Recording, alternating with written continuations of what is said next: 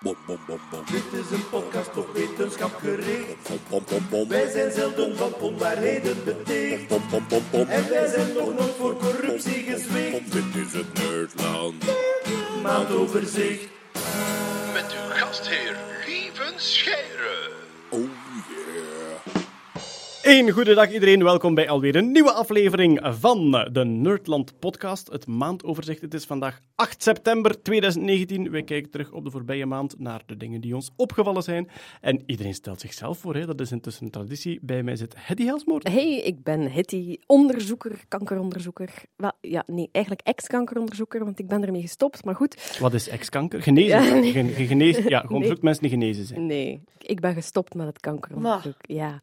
Om, Ah, dan is het klaar, of wat? Ja, nee. Oh. Opgelost. Hadden we wel wat meer, meer nieuws over moeten maken. om hè, mij Timothy? eh, volledig te richten op wetenschapscommunicatie. Maar goed, nog even verbonden aan de Universiteit van Gent, maar daarnaast ook in bijberoep. Onder andere de organisator van Sound of Science en nog wel een aantal andere zijprojecten. En steeds meer zijprojecten in de toekomst Ja. waarschijnlijk. Prachtig. Jeroen Baert. Jeroen, mopjes, computers. Eh, ja, Vat jezelf samen in twee woorden. Mopjes, computers, werkwoorden, adjectieven. Ik doe het allemaal. wombatkak. Ja, wombatkak. Oké, Goed. goed. we het ondernemen. Stefanie Degene. Ik ben Stefanie, ik ben illustrator voor kindjes en wetenschappers. En dat vind ik eigenlijk al genoeg. Eh, Dat is eh, prachtig. Marianne Verhelst. Hallo, ik ben Marjan Verhelst. Ik ben professor microelektronica aan de KU Leuven. Bart van Peer. Ik ben Bart van Peer, dat klopt. En ik maak vaak overbodige televisie. Af en toe soms per ongeluk nuttige televisie. Eh, en in mijn vrije tijd ben ik eh, met mijn verleden als fysicus bezig. Fysica gestudeerd, Ja. samen met mij. Samen met jou. En zowaar ook het einddiploma gehaald, Bart. Ja, Proficiat. per ongeluk. En Kurt Beheid. Eh, ja, ik ben Kurt Beheid, ehm, tv-maker en ehm, voilà, maker in het algemeen van elektronica en 3D en zo van die dingen. En econoom van opleiding? Of, eh, Eh, ja, in een ver verleden heb ik nog wel economie gestudeerd ook, ja. Toch welkom, Kurt. Toch welkom. Goed, we gaan eens kijken wat we staan hebben. Ik ga gewoon beginnen met ruimtevaart. Er was een publicatie deze maand en daar stond een volledig plan in, een volledige berekening zelfs, om een kabel te spannen van de maan naar de aarde. We hebben het hier dan over ja, het idee van de ruimtelift, dat al een tijdje meegaat. Eh, er, is al, er is al een paar jaar een plan, er is zelfs een Japans bedrijf mee bezig om een ruimtelift te bouwen naar de geostationaire orbit, dus satellieten die op 36.000 kilometer hoogte hangen.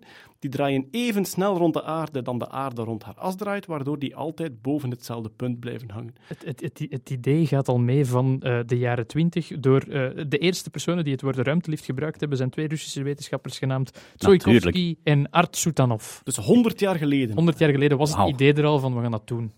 Allee, de details, dat werken we later wel Dat uit. kan. Dat kan. Ja. De vraag is dan ook, heb je wel genoeg ruimte in die lift om al die knopjes daarop te zetten van die dat weet ik niet.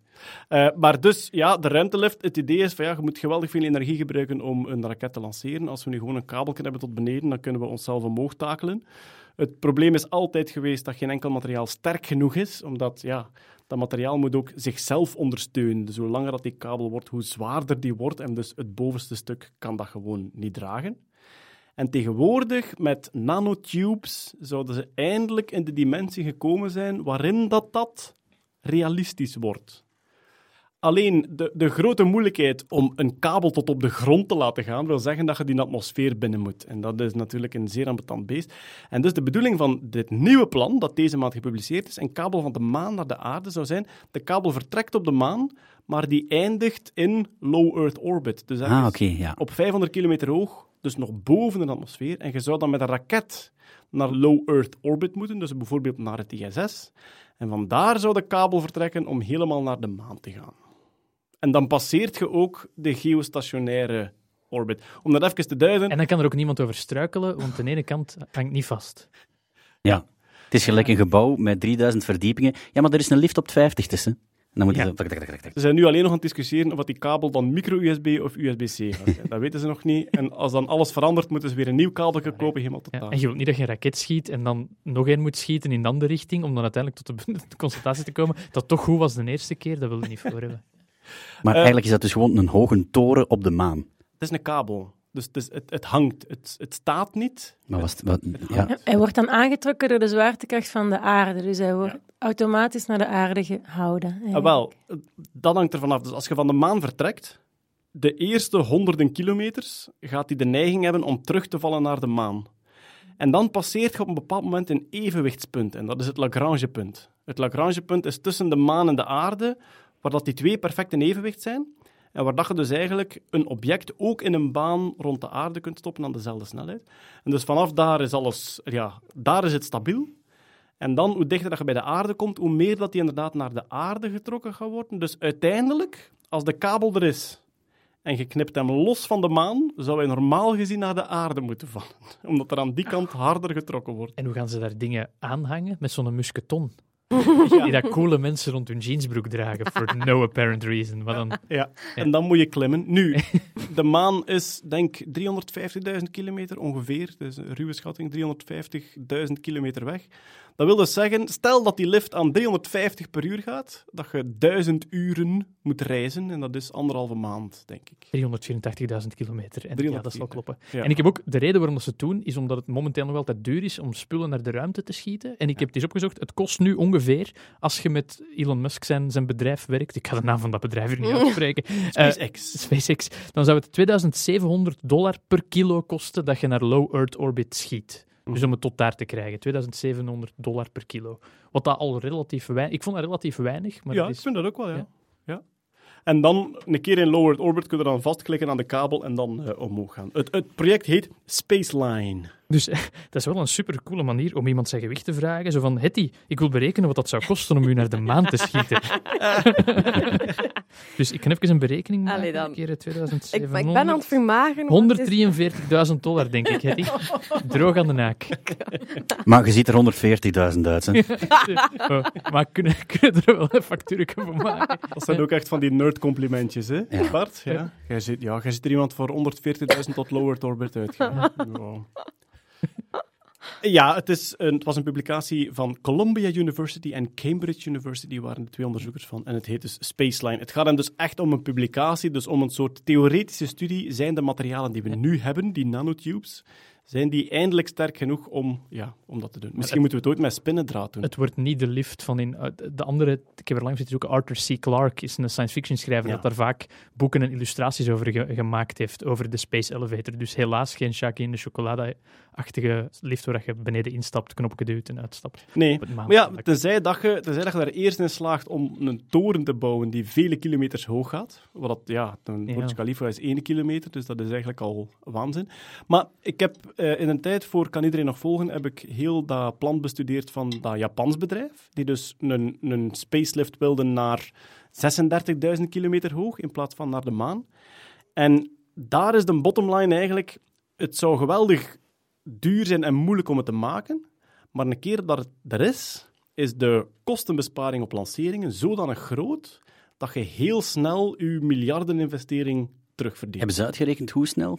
Nee.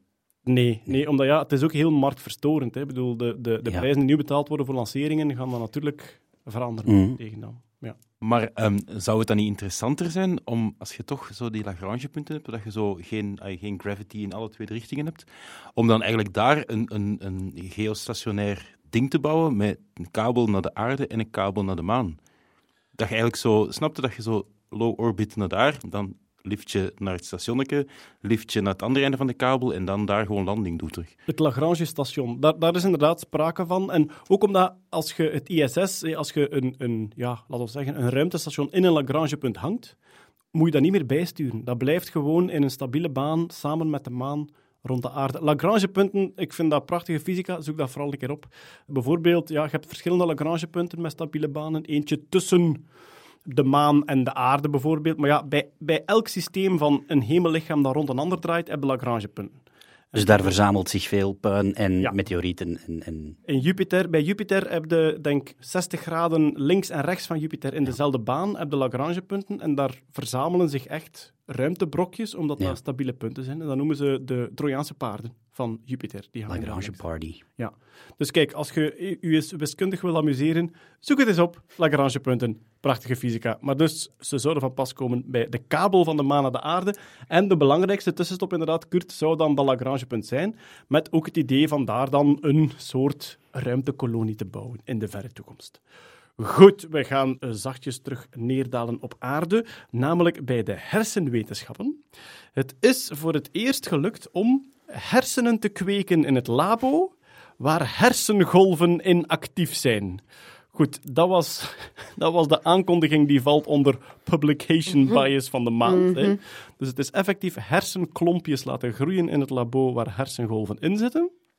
Maar, Stefanie, dat wil niet zeggen dat daar iets anders gebeurt dan, laten we zeggen, ja, een, een patroon van vurende neuronen. Dat is inderdaad wat er gebeurt, maar dat is wel heel spectaculair. Die hersens moet je je niet voorstellen als volgroeide hersens. Dat zijn klompjes van een paar millimeter, ik denk maximum zelfs een millimeter eh, Speldenkopje doorsnede. groot.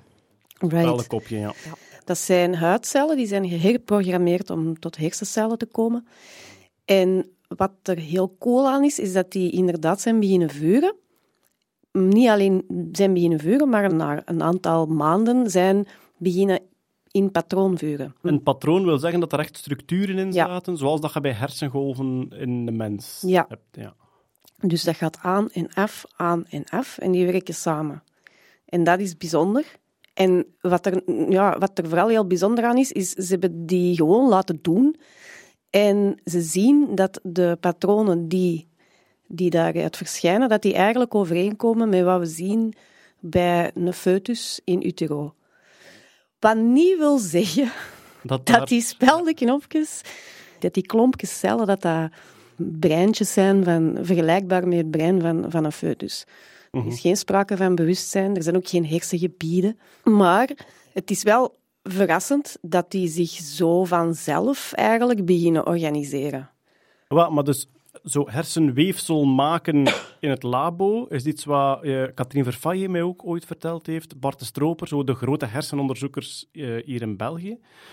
Die dat dus doen om patiënten met Alzheimer en dementie te onderzoeken. Die dus vroeger hadden een biopsie en je moest een stukje wegsnijden en dat onderzoeken. En nu kun je, goh, ik denk dat ze eerst andere cellen moeten reduceren tot stamcellen en die dan terug Ja. laten uitgroeien tot hersencellen. De huidcellen, hè. ze nemen Ja. huidcellen. Dus Stefanie heeft het gezegd, huidcellen herprogrammeren en dan eh, de induced pluripotent stem cells, dus geïnduceerde stamcellen eigenlijk. En van daaruit kun je die sturen in heel veel verschillende richtingen, waaronder hersencellen. Ja. En die beginnen vanzelf te... Je moet dat niet porren op een of andere manier. Je moet, eh, waar dat ze het meeste werk mee hebben, is ze inderdaad sturen in de richting van hersencellen. Want anders dan gaan ze nogal los en dan beginnen ze wat van alles te doen. maar eens dat het hersencellen zijn, zo die speldenkopjes in, Right. in, in, dat, in dat ding, moet je ze dan op een of andere manier nog porren voordat die vuur... Blijkbaar niet. En dat is hetgene wat dat er zo waanzinnig aan is. En eh, de toepassing daarvan is inderdaad, zoals Lieve zegt, normaal gezien moet je gewoon in de hersens gaan snijden en dat willen we niet.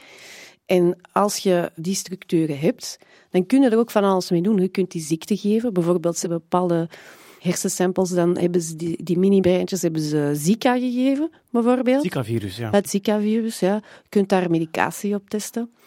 Wat dat daar bijzonder interessant aan is, is dat er, er zijn natuurlijk een hele hoop hersenaandoeningen. Er zijn een hoop hersenaandoeningen waarbij dat hersenen anatomisch verschillen.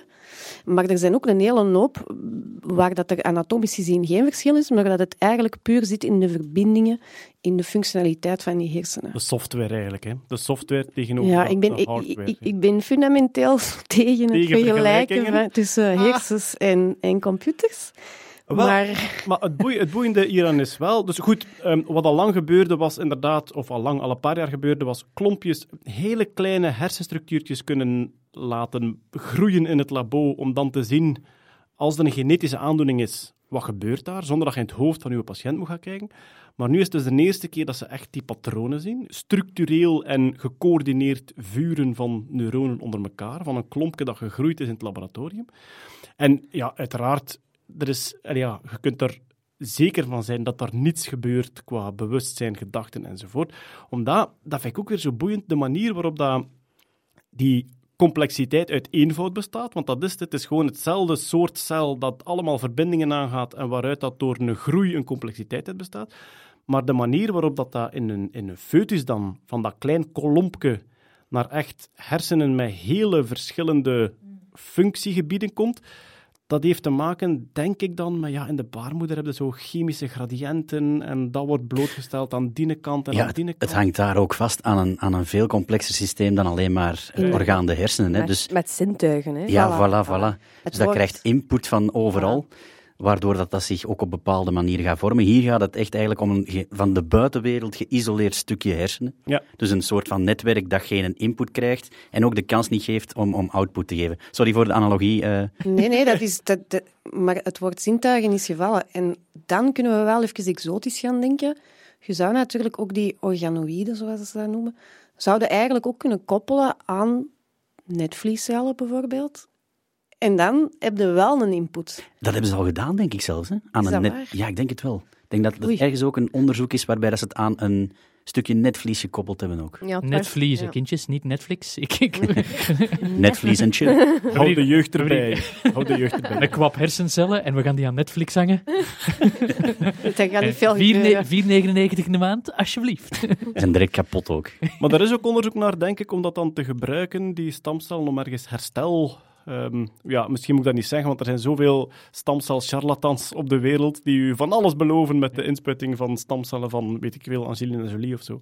Dus eh, het is onderzoek dat lopende is om die stamcellen dan ook te gebruiken om ergens eh, herstel aan te brengen, zoals ik denk ook bij oogzenuwen en dat soort, eh, dat soort dingen. Ja, en heel veel organen ook. Hè. Lever, hart, die organoïden. Ja, dat is wel iets om, om in de gaten te houden, absoluut. Orgaantjes groeien in het labo, Ja. momenteel nog op eh speldenkopgrootte.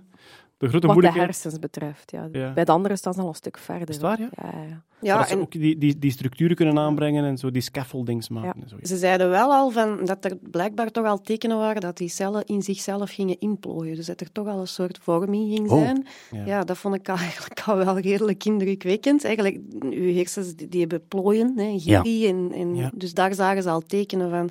Dus ik, heb, ik, ik denk wel dat dit... Allee, ja, ik moet voorzichtig zijn, hè, maar toch heb ik zoiets van, ja, geef, dan nog, geef die cellen nog een paar maanden en wie weet wat komt eruit. En sluit dat dan wat aan, aan van alles, inderdaad, aan netvliescellen of, of aan andere dingen. Nogmaals, ik denk niet dat er bewustzijn uit gaat geboren worden, maar ik vind het te spannend om het niet te doen. Mm. Ja, maar het is waar. Maar voor mij geeft dat ook, allee, dat geeft ergens zo een, een soort bespiegeling over wat er dan gebeurt in die baarmoeder.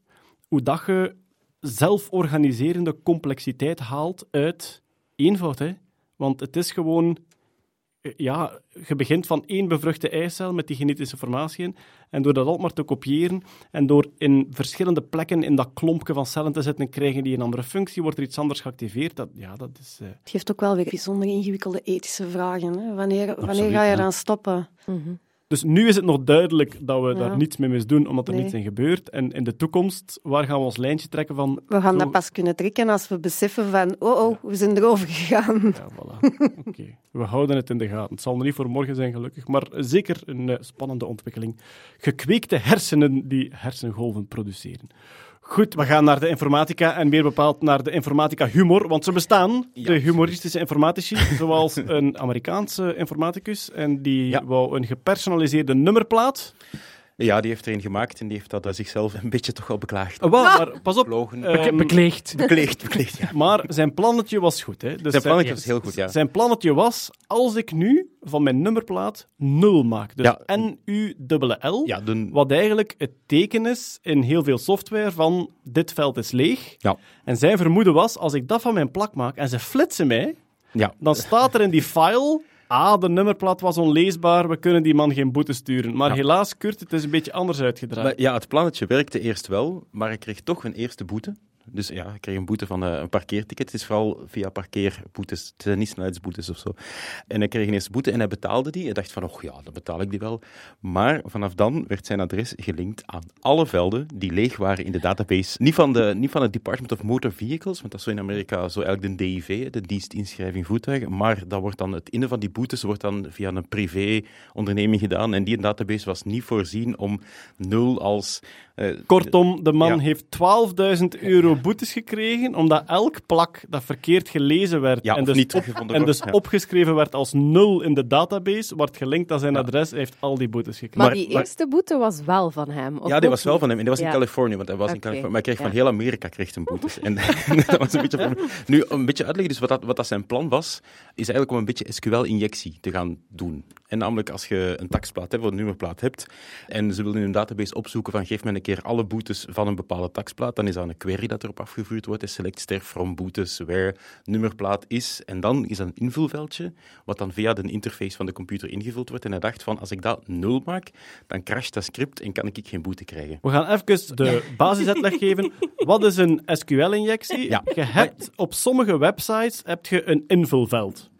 Dat invulveld, de enige functie is om natuurlijk een bepaald stukje tekst dat je invult, bijvoorbeeld uw voornaam, in het computerprogramma te stoppen dat dat opgeslagen wordt. Maar, wat was een hackingtechniek vroeger? Want tegenwoordig moet je al een uil zijn, denk ik, als website om daar nog kwetsbaar voor te zijn. of Sony heten of zo. Ah, Oké, ja. Wat was een hackingtechniek vroeger?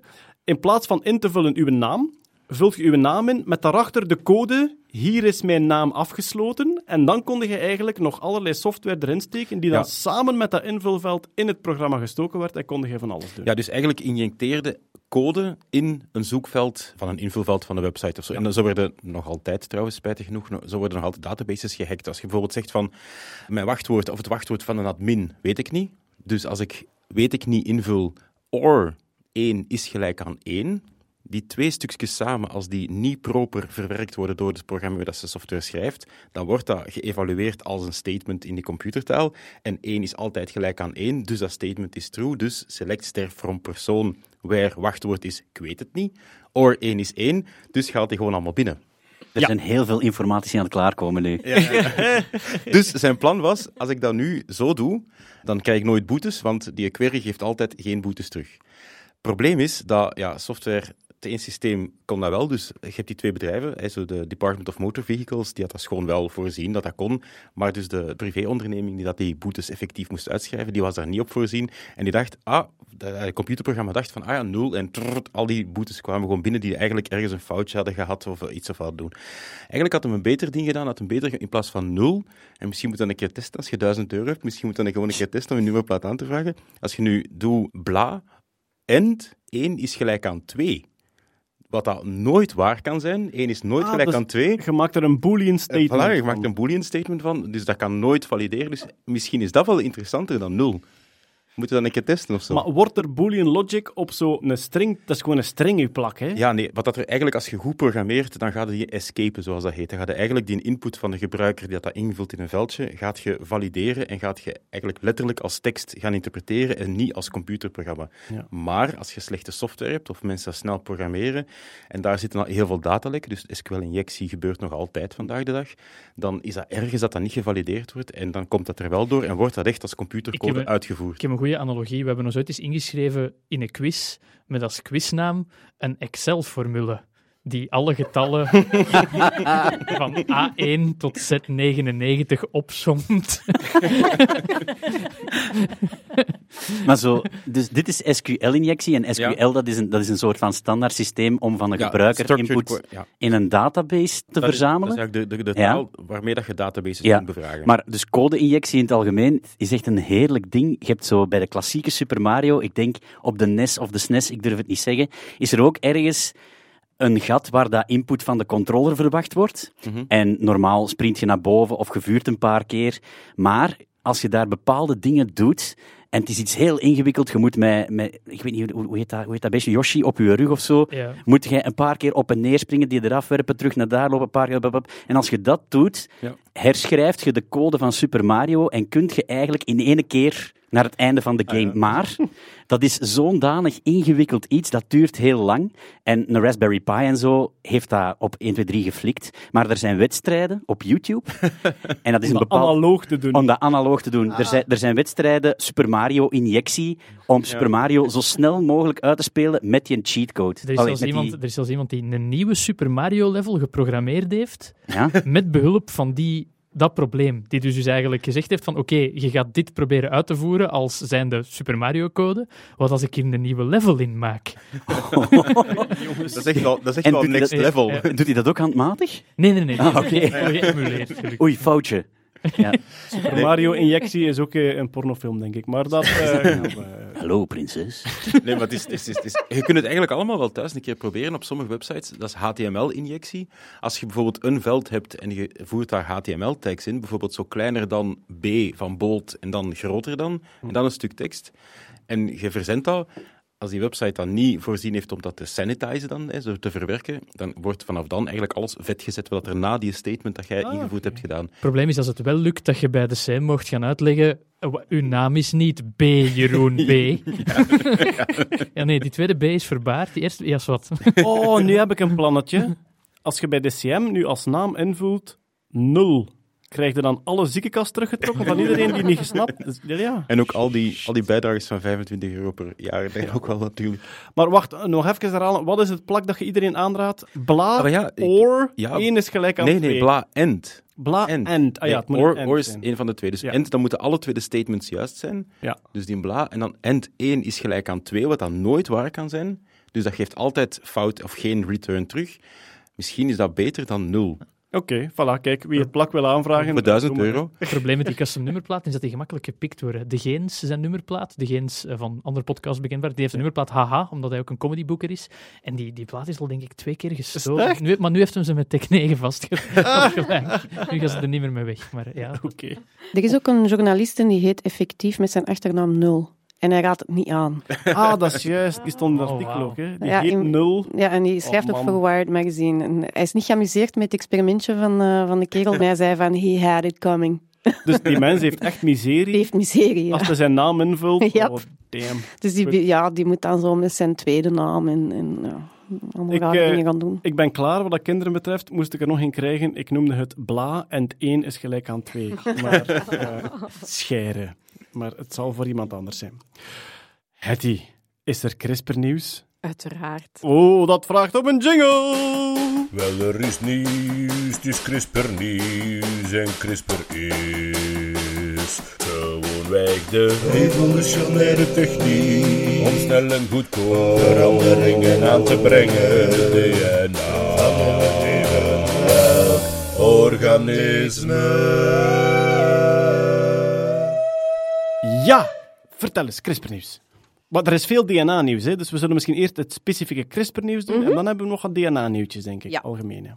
Begin maar, lieve. Eh, CRISPR-nieuws. Eh, CRISPR wordt, ja, kennen we als, we, we kunnen een beetje knippen en plakken in organismes en zelfs dingen aanpassen enzovoort. Maar nu wordt de techniek zelfs gebruikt om medicijnen heel specifiek toe te passen. En dat is iets waar al heel lang over gesproken wordt in de geneeskunde. Wij nemen nu een pilletje. Die stof komt overal in ons lichaam terecht en die werkt op één plek.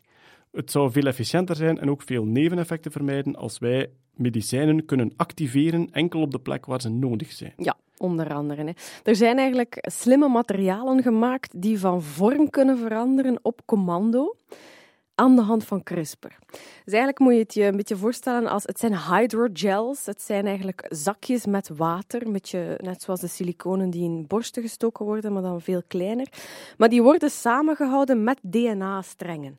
Hè, Dus die... Dus ze gebruiken DNA als het touwtje rond het pakketje. Niet er rond, maar erin. Erin, van binnen. Ja, ja. Dus dat wordt inderdaad... Dat Maar- zijn DNA-hydrogels. Dus dat zijn kleine pakketjes met water en met ook andere stofjes in. Maar binnenin zitten er allemaal touwtjes, eigenlijk DNA, die dat allemaal samen. En hoe kunnen ze dat dan modelleren, dat DNA? Wat bedoel je met modelleren? Ah, wel ja, omdat dat een verschillende vorm heeft. Dus dat is eigenlijk de structuur, allez, zeg maar het skelet, de skeletbouw Voilà, van... voilà, het skelet. En wat ze kunnen doen, is eigenlijk... We weten, CRISPR knipt DNA. Er komt een bepaalde stimulus binnen in dat hele pakket, waardoor dat, dat CRISPR geactiveerd wordt. Die knipt dat DNA van binnen in stukken, waardoor dat, dat ding eigenlijk openbarst en op een bepaalde plek zijn cargo kan vrijgeven. Ja. Oh, wauw, oké, mindblown. Een postpakketje met een touwtje van DNA rond. Er zit een CRISPR bij. Maar hoe slaagde erin om dat dan te activeren op Wel. bijvoorbeeld, je bent nu in de lever bijvoorbeeld? Nee, wel. Het wordt eigenlijk geactiveerd aan de hand van een bepaalde DNA-sequentie. Het is niet Cas9, wat wij allemaal kennen van het CRISPR-nieuws dat we hier zo vaak brengen. Het is Cas12a, dus een ander eiwit dat ook in staat is om DNA te knippen. Maar voordat dat DNA knipt, moet dat eigenlijk een soort geactiveerd worden door een heel klein stukje DNA. Een heel specifiek stukje DNA. code ook eigenlijk. Ja, ja, voilà. En je kunt die programmeren. Dus je kunt ervoor zorgen van, oké, zorg dat jij geactiveerd wordt op het moment dat jij bijvoorbeeld gen A tegenkomt van het ebola-virus, bijvoorbeeld. Allee. Of zorg dat je geactiveerd wordt op het moment dat je gen X tegenkomt, waarvan wij weten het is een gen dat alleen tot expressie komt in kankercellen, bijvoorbeeld. Dus je kunt die, ja, het is echt, het is geniaal. Wow. Je kunt die op die manier programmeren. En door die dan te verpakken in zo'n ja, in zo'n gelletje, kun je eigenlijk zorgen dat die CRISPR geactiveerd wordt, dat hij die dingen kapot knipt op het moment dat hij een bepaalde biologische sequentie tegenkomt. Dus je kunt eigenlijk plots biologische informatie omzetten in de eigenschappen van een materiaal. Dus om het nu, allez, het zal waarschijnlijk een te kort door de bocht zijn, maar je kunt je chemotherapie activeren enkel in de kankercel. Voilà. Zonder dat heel je lijf daar last van heeft. Wow. Wat dan nog cooler is, Of dat, in de buurt. wat dan nog cooler is, dat, dat gelletje, dat, dat leveringspakketje, als die het orgaan niet vindt waar dat het moet beginnen werken, laat dat een heel klein briefje achter. Het is bij de buren afgeleverd. dat het maandag om 12 uur, alleen maandag tussen 8 en 20 terugkomt. Maar na drie keer moet je wel naar het postpunt Ja. aan, de, Ja. aan de middelt. Gelieve je aan te melden aan het postpunt aan de middelt. Nu, het is ook veel meer dan enkel en alleen medicijnen afgeven. Hè. Ze zijn er bijvoorbeeld in geslaagd om elke keer als in een staal het ebola-virus wordt gedetecteerd, door dus te zeggen, als jij gen A van virus ebola tegenkomt, activeer, zijn ze erin geslaagd om een elektrisch circuit uit te schakelen. Waardoor dat er een draadloos signaal gestuurd werd naar, oké, in dit staal zit er ebola, in dit staal niet. Dus je Ook kunt... detectietechniek. Ja. Het, is, sorry, het is nu al slimmer dan B-post. Maar dat is ook zo. Oké, CRISPR, je hebt een nieuw mechanisme, maar als je dan kijkt wat innovaties dat eruit Dat- komen, ik- dat is... En dat vind ik er zo geniaal aan. En net nu stopt je met onderzoek. Ja, ik Nee, denken van... je hebt weer al het, het laaghangend fruit is weg. Nee, maar ik ga het uitleggen aan de mensen. Dat Ah, vind ik veel Ah ja, leuker. Dat is- dat vertellen. Wat, wat ik me altijd afvraag bij die nieuwe geneestechnieken en detectietechnieken is ook wel, wat is de kost ervan? Want we kunnen tegenwoordig gigantisch knappe dingen, maar de gezondheidszorg wordt ook ongelooflijk duur. Is Ja. dit nu iets dat nu nog duur is omdat het nieuw is? Of gaat het altijd wel een heel dure techniek blijven? Wat CRISPR op zich is eigenlijk een, een goedkope techniek. En daarom dat het zo vaak gebruikt wordt, is veel goedkoper en veel efficiënter dan wat er tot nu toe bestond om genen aan te passen. Maar het is het hele pakket waarin het komt. En we weten allemaal, kostprijzen van geneesmiddelen worden niet alleen bepaald door de technologie, maar ook door eh, vraag en aanbod, patenten. Heel vaak wordt er gerekend in hoeveel levensjaren kan je redden. Dus daarom zijn medicijnen voor kinderkanker veel duurder dan dat ze eigenlijk zouden moeten zijn. Dus ehm, ja, dat is een stuk het kapitalistisch systeem. Maar, ehm, Ja, waar mar- marktcynisme. Ja, voilà. Ja. Maar gaan Ehm. er dan een nieuw soort bedrijven op de markt krijgen die de gelletjes maken? Zo echt zo de UPC's van de geneesmiddelen? Ik, ik verwacht wel, ik weet nu niet, dit is echt nog onderzoeksfase, dus daar zijn nog een aantal kinderziekten op te lossen. Maar, ik Maar die gaan ze dat genezen. dat-. Ja, Ja. Ja, maar zeker. Die gaan ze genezen. Ook in de, in de Ehm. wielersport, die, die doen nu al niks anders dan gelletjes eten. hè. Dus direct... Ja. Maar dat DNA dat, dat voor die structuur zorgt, dat heeft verder geen functie. Dat is geen functioneel coderend DNA. Nee, nee. Dat is echt een, een touwtje. En, ja, inderdaad. En dat, dat lost ook op. Ik ben te- om de, in de B-post-analogie, je kunt die kartonnen dozen, je kunt die hergebruiken, maar dat, die DNA dat dat dan komt leveren, dat blijft daar liggen. Het is niet meer een Ja, camionetje Dat hier. zal Dat is- mee afgevoerd worden met, eh, ja, met het afval van uw lichaam, denk ik. Maar ja, het is belangrijk. Ik zou willen dat al met karton mee afgevoerd werd. Maar het afval van mijn lichaam. Dat wordt gerecycleerd. Maar er was groter DNA-nieuws, zeg ik nu, maar er was DNA-nieuws dat groter in de pers geweest is. Uiteraard ook omwille van de publiceerbaarheid daarvan. Geaardheid in het DNA. Ja. Weten we eigenlijk al een tijdje dat daar factoren zitten. Mhm. Hoe groot die factoren zijn, weten we nog niet. Maar er was dus het nieuws de voorbije maand dat er, ik denk, vijf nieuwe locaties gevonden zijn die gelinkt kunnen worden aan seksuele geaardheid. Dus Ja. heteroseksueel, homoseksueel, biseksueel. Klopt. Geef ons eens de insight, want er is veel over geschreven en veel over geroepen. Maar wat is er nu, wat ligt er nu op tafel? Wat ligt er op tafel? Ze hebben de grootste studie ooit gedaan naar dit gegeven. Ze hebben DNA-profielen van 500.000 mensen onderzocht. Dat DNA kwam vooral uit de UK Biobank en van 23andMe. Ah, oké. dus Misschien het, zit jij erbij. het mijne zit er ook bij. Ik vraag me nu alleen af, want dus op 23andMe, hè, waar dat je dus een vrijwillige DNA-test doet, daar kun je vragenlijstjes invullen Mhm. naar eigen keuze. Mhm. Ik heb er onlangs een ingevuld over welke groenten ik lekker vind en niet, en over mijn muzieksmaak. Dus daar zijn ze ook naar op zoek. Maar ik ben niet zeker. Ik denk dat ik nooit iets ingevuld heb over geaardheid. Nee, wel, dat gaat jij niet in Dan gaan deze, ze mij niet in deze Als ik kijk naar die lijst boeken en films dat je leuk vindt, dan weet ik het ook. Ja, als- maar ja, wat was op de, de eigenares van 23andMe was vroeger getrouwd met een van de stichters van Google. Hè? Dus uiteindelijk, als die twee Ja, ja. samen in bed liggen, weten ze het wel. Ja, dat is waar. Ja. Maar, dat is misschien al een, een eerste maar bij dat hele onderzoek. Wat hebben ze gebruikt uit die vragenlijst? Er, zijn, er is ooit de vraag gesteld, heb je ooit in je leven al eens seksuele contacten gehad met iemand van hetzelfde geslacht? Oei, oei. Zeg, dan is Ja. iedereen homofiel. Ja. Oei, oei. Voilà. Dus zo, zo een keer een zatte tong draaien op een KSA-5 hoort daar dan ook bij. Maar de tong weet ik nu niet. Ik denk dat echt om... Ja, ik weet niet ja, wat Ah ze ja, als het verder gedefinieerd gaat, zit hebben ik als... eh, Ja, voilà. Maar goed, dat is dus al één kritiek van die studie. Het is niet omdat iemand ooit eens één seksueel contact heeft gehad met iemand van hetzelfde geslacht dat je homoseksueel bent. En omgekeerd. Het is Voilà. niet omdat je homoseksueel bent dat je ooit toegegeven hebt aan die... Klopt. Dus Het is niet omdat je dat elke avond opzoekt. Dat, allee, dat, nee, dat, Jeroen. dat kan, dat nee, kan. dat is, dat is oké. Dat is oké. geen probleem. Dat is ook- Enfin, wat hebben ze gedaan? Al de mensen die één keer ja geantwoord hebben op die vraag, daarvan hebben ze gekeken, zijn er gelijkenissen in het DNA van die mensen? En dan hebben ze vijf regio's gevonden die voorkomen in de groep mensen die ja geantwoord heeft en niet voorkomen in de groep van mensen die nee geantwoord heeft op die Waarschijnlijk binnen een bepaalde statistische significantie, Ja. want dat zal geen één op één wel in die groep en niet in een andere groep. inderdaad. En vooral die vijf regio's, die voorspellen eigenlijk voor ongeveer 1% Oei. wat de uiteindelijke geaardheid van die persoon is. Dus het is, het is een beetje bedroevend. Wat is de voornaamste conclusie van die studie? Dat er niet één homogen is. Ik denk dat we dat al heel lang wisten, maar dat er meerdere regio's zijn in het DNA die dat beïnvloeden. En vooral ook dat er een hele grote omgevingsfactor is die daar toch ook een rol in speelt. En met omgeving bedoelen we dan niet altijd de familie waar dat je in opgegroeid bent, maar effectief ook bijvoorbeeld de, de, de chemische gradiënt in de baarmoeder. Dat Ah, is ja. net zo goed omgeving. Ja, De, de, dat de- ik dat het onderzocht is dat DNA, je schrijft dat uit en je kijkt of dat er heel... Je hebt CTA en dan kijkt of dat er heel veel gay, gay in zit. Iemand met meer gay, die... Voilà. Zeg, ik heb gehoord bij het GZ dat er een onderzoeksplaats vrijkomt. Als Als je ook kan direct dan uit je bureau zitten. met, Ja, uw, met uw technieken toch... Ja, maar hoeveel, hoeveel G zit er in dit? Select ster from DNA weer. Geen zorgen, jongens, die kanker lost het wel op. Maar ja, ik denk dat dat een typisch voorbeeld is van... Goh, er zijn nu heel veel ziektes gevonden die monogenetisch zijn, omdat die gemakkelijkst te vinden zijn. Ja, absoluut. En dit is een heel duidelijk voorbeeld van wat alle genetici al lang zeggen. De monogenetische zijn de uitzonderingen. Ja. En bijna al onze eigenschappen hangen af van heel veel genen. En dan ook nog een keer in zo'n complex samenspel. Ja, je ziet wel, je doet hier een onderzoek op 500.000 mensen Ja. en je, je vindt vijf plekjes die Ja. samen 1% voorspellen. Voilà. Het is ook geen ziekte. Hè. Oei. Ik maar even zeggen. Ja, ik, En het is misschien ook maar goed dat we het niet vinden, want Ah, wel. die verkeerde handen... We hadden, Voilà. vroeger, we hadden vroeger iemand in- de klas en die, die, die reageerde altijd heel veel. Ik ben geen homo, hè, maar nu snap ik genen en homo, dat dat eigenlijk... dat die genetisch gezien... terug in vorm vandaag, hè, Bart? Ik ben aan, ben aan het wakker worden, ja. Ik dacht, ik doe, Nee, dacht, maar ik kijk- doe er een paar. Stefanie, wat je zegt vind ik geweldig belangrijk, omdat dit is, zoals het wel vaker is, dit is ideologisch geladen onderzoek. Ja.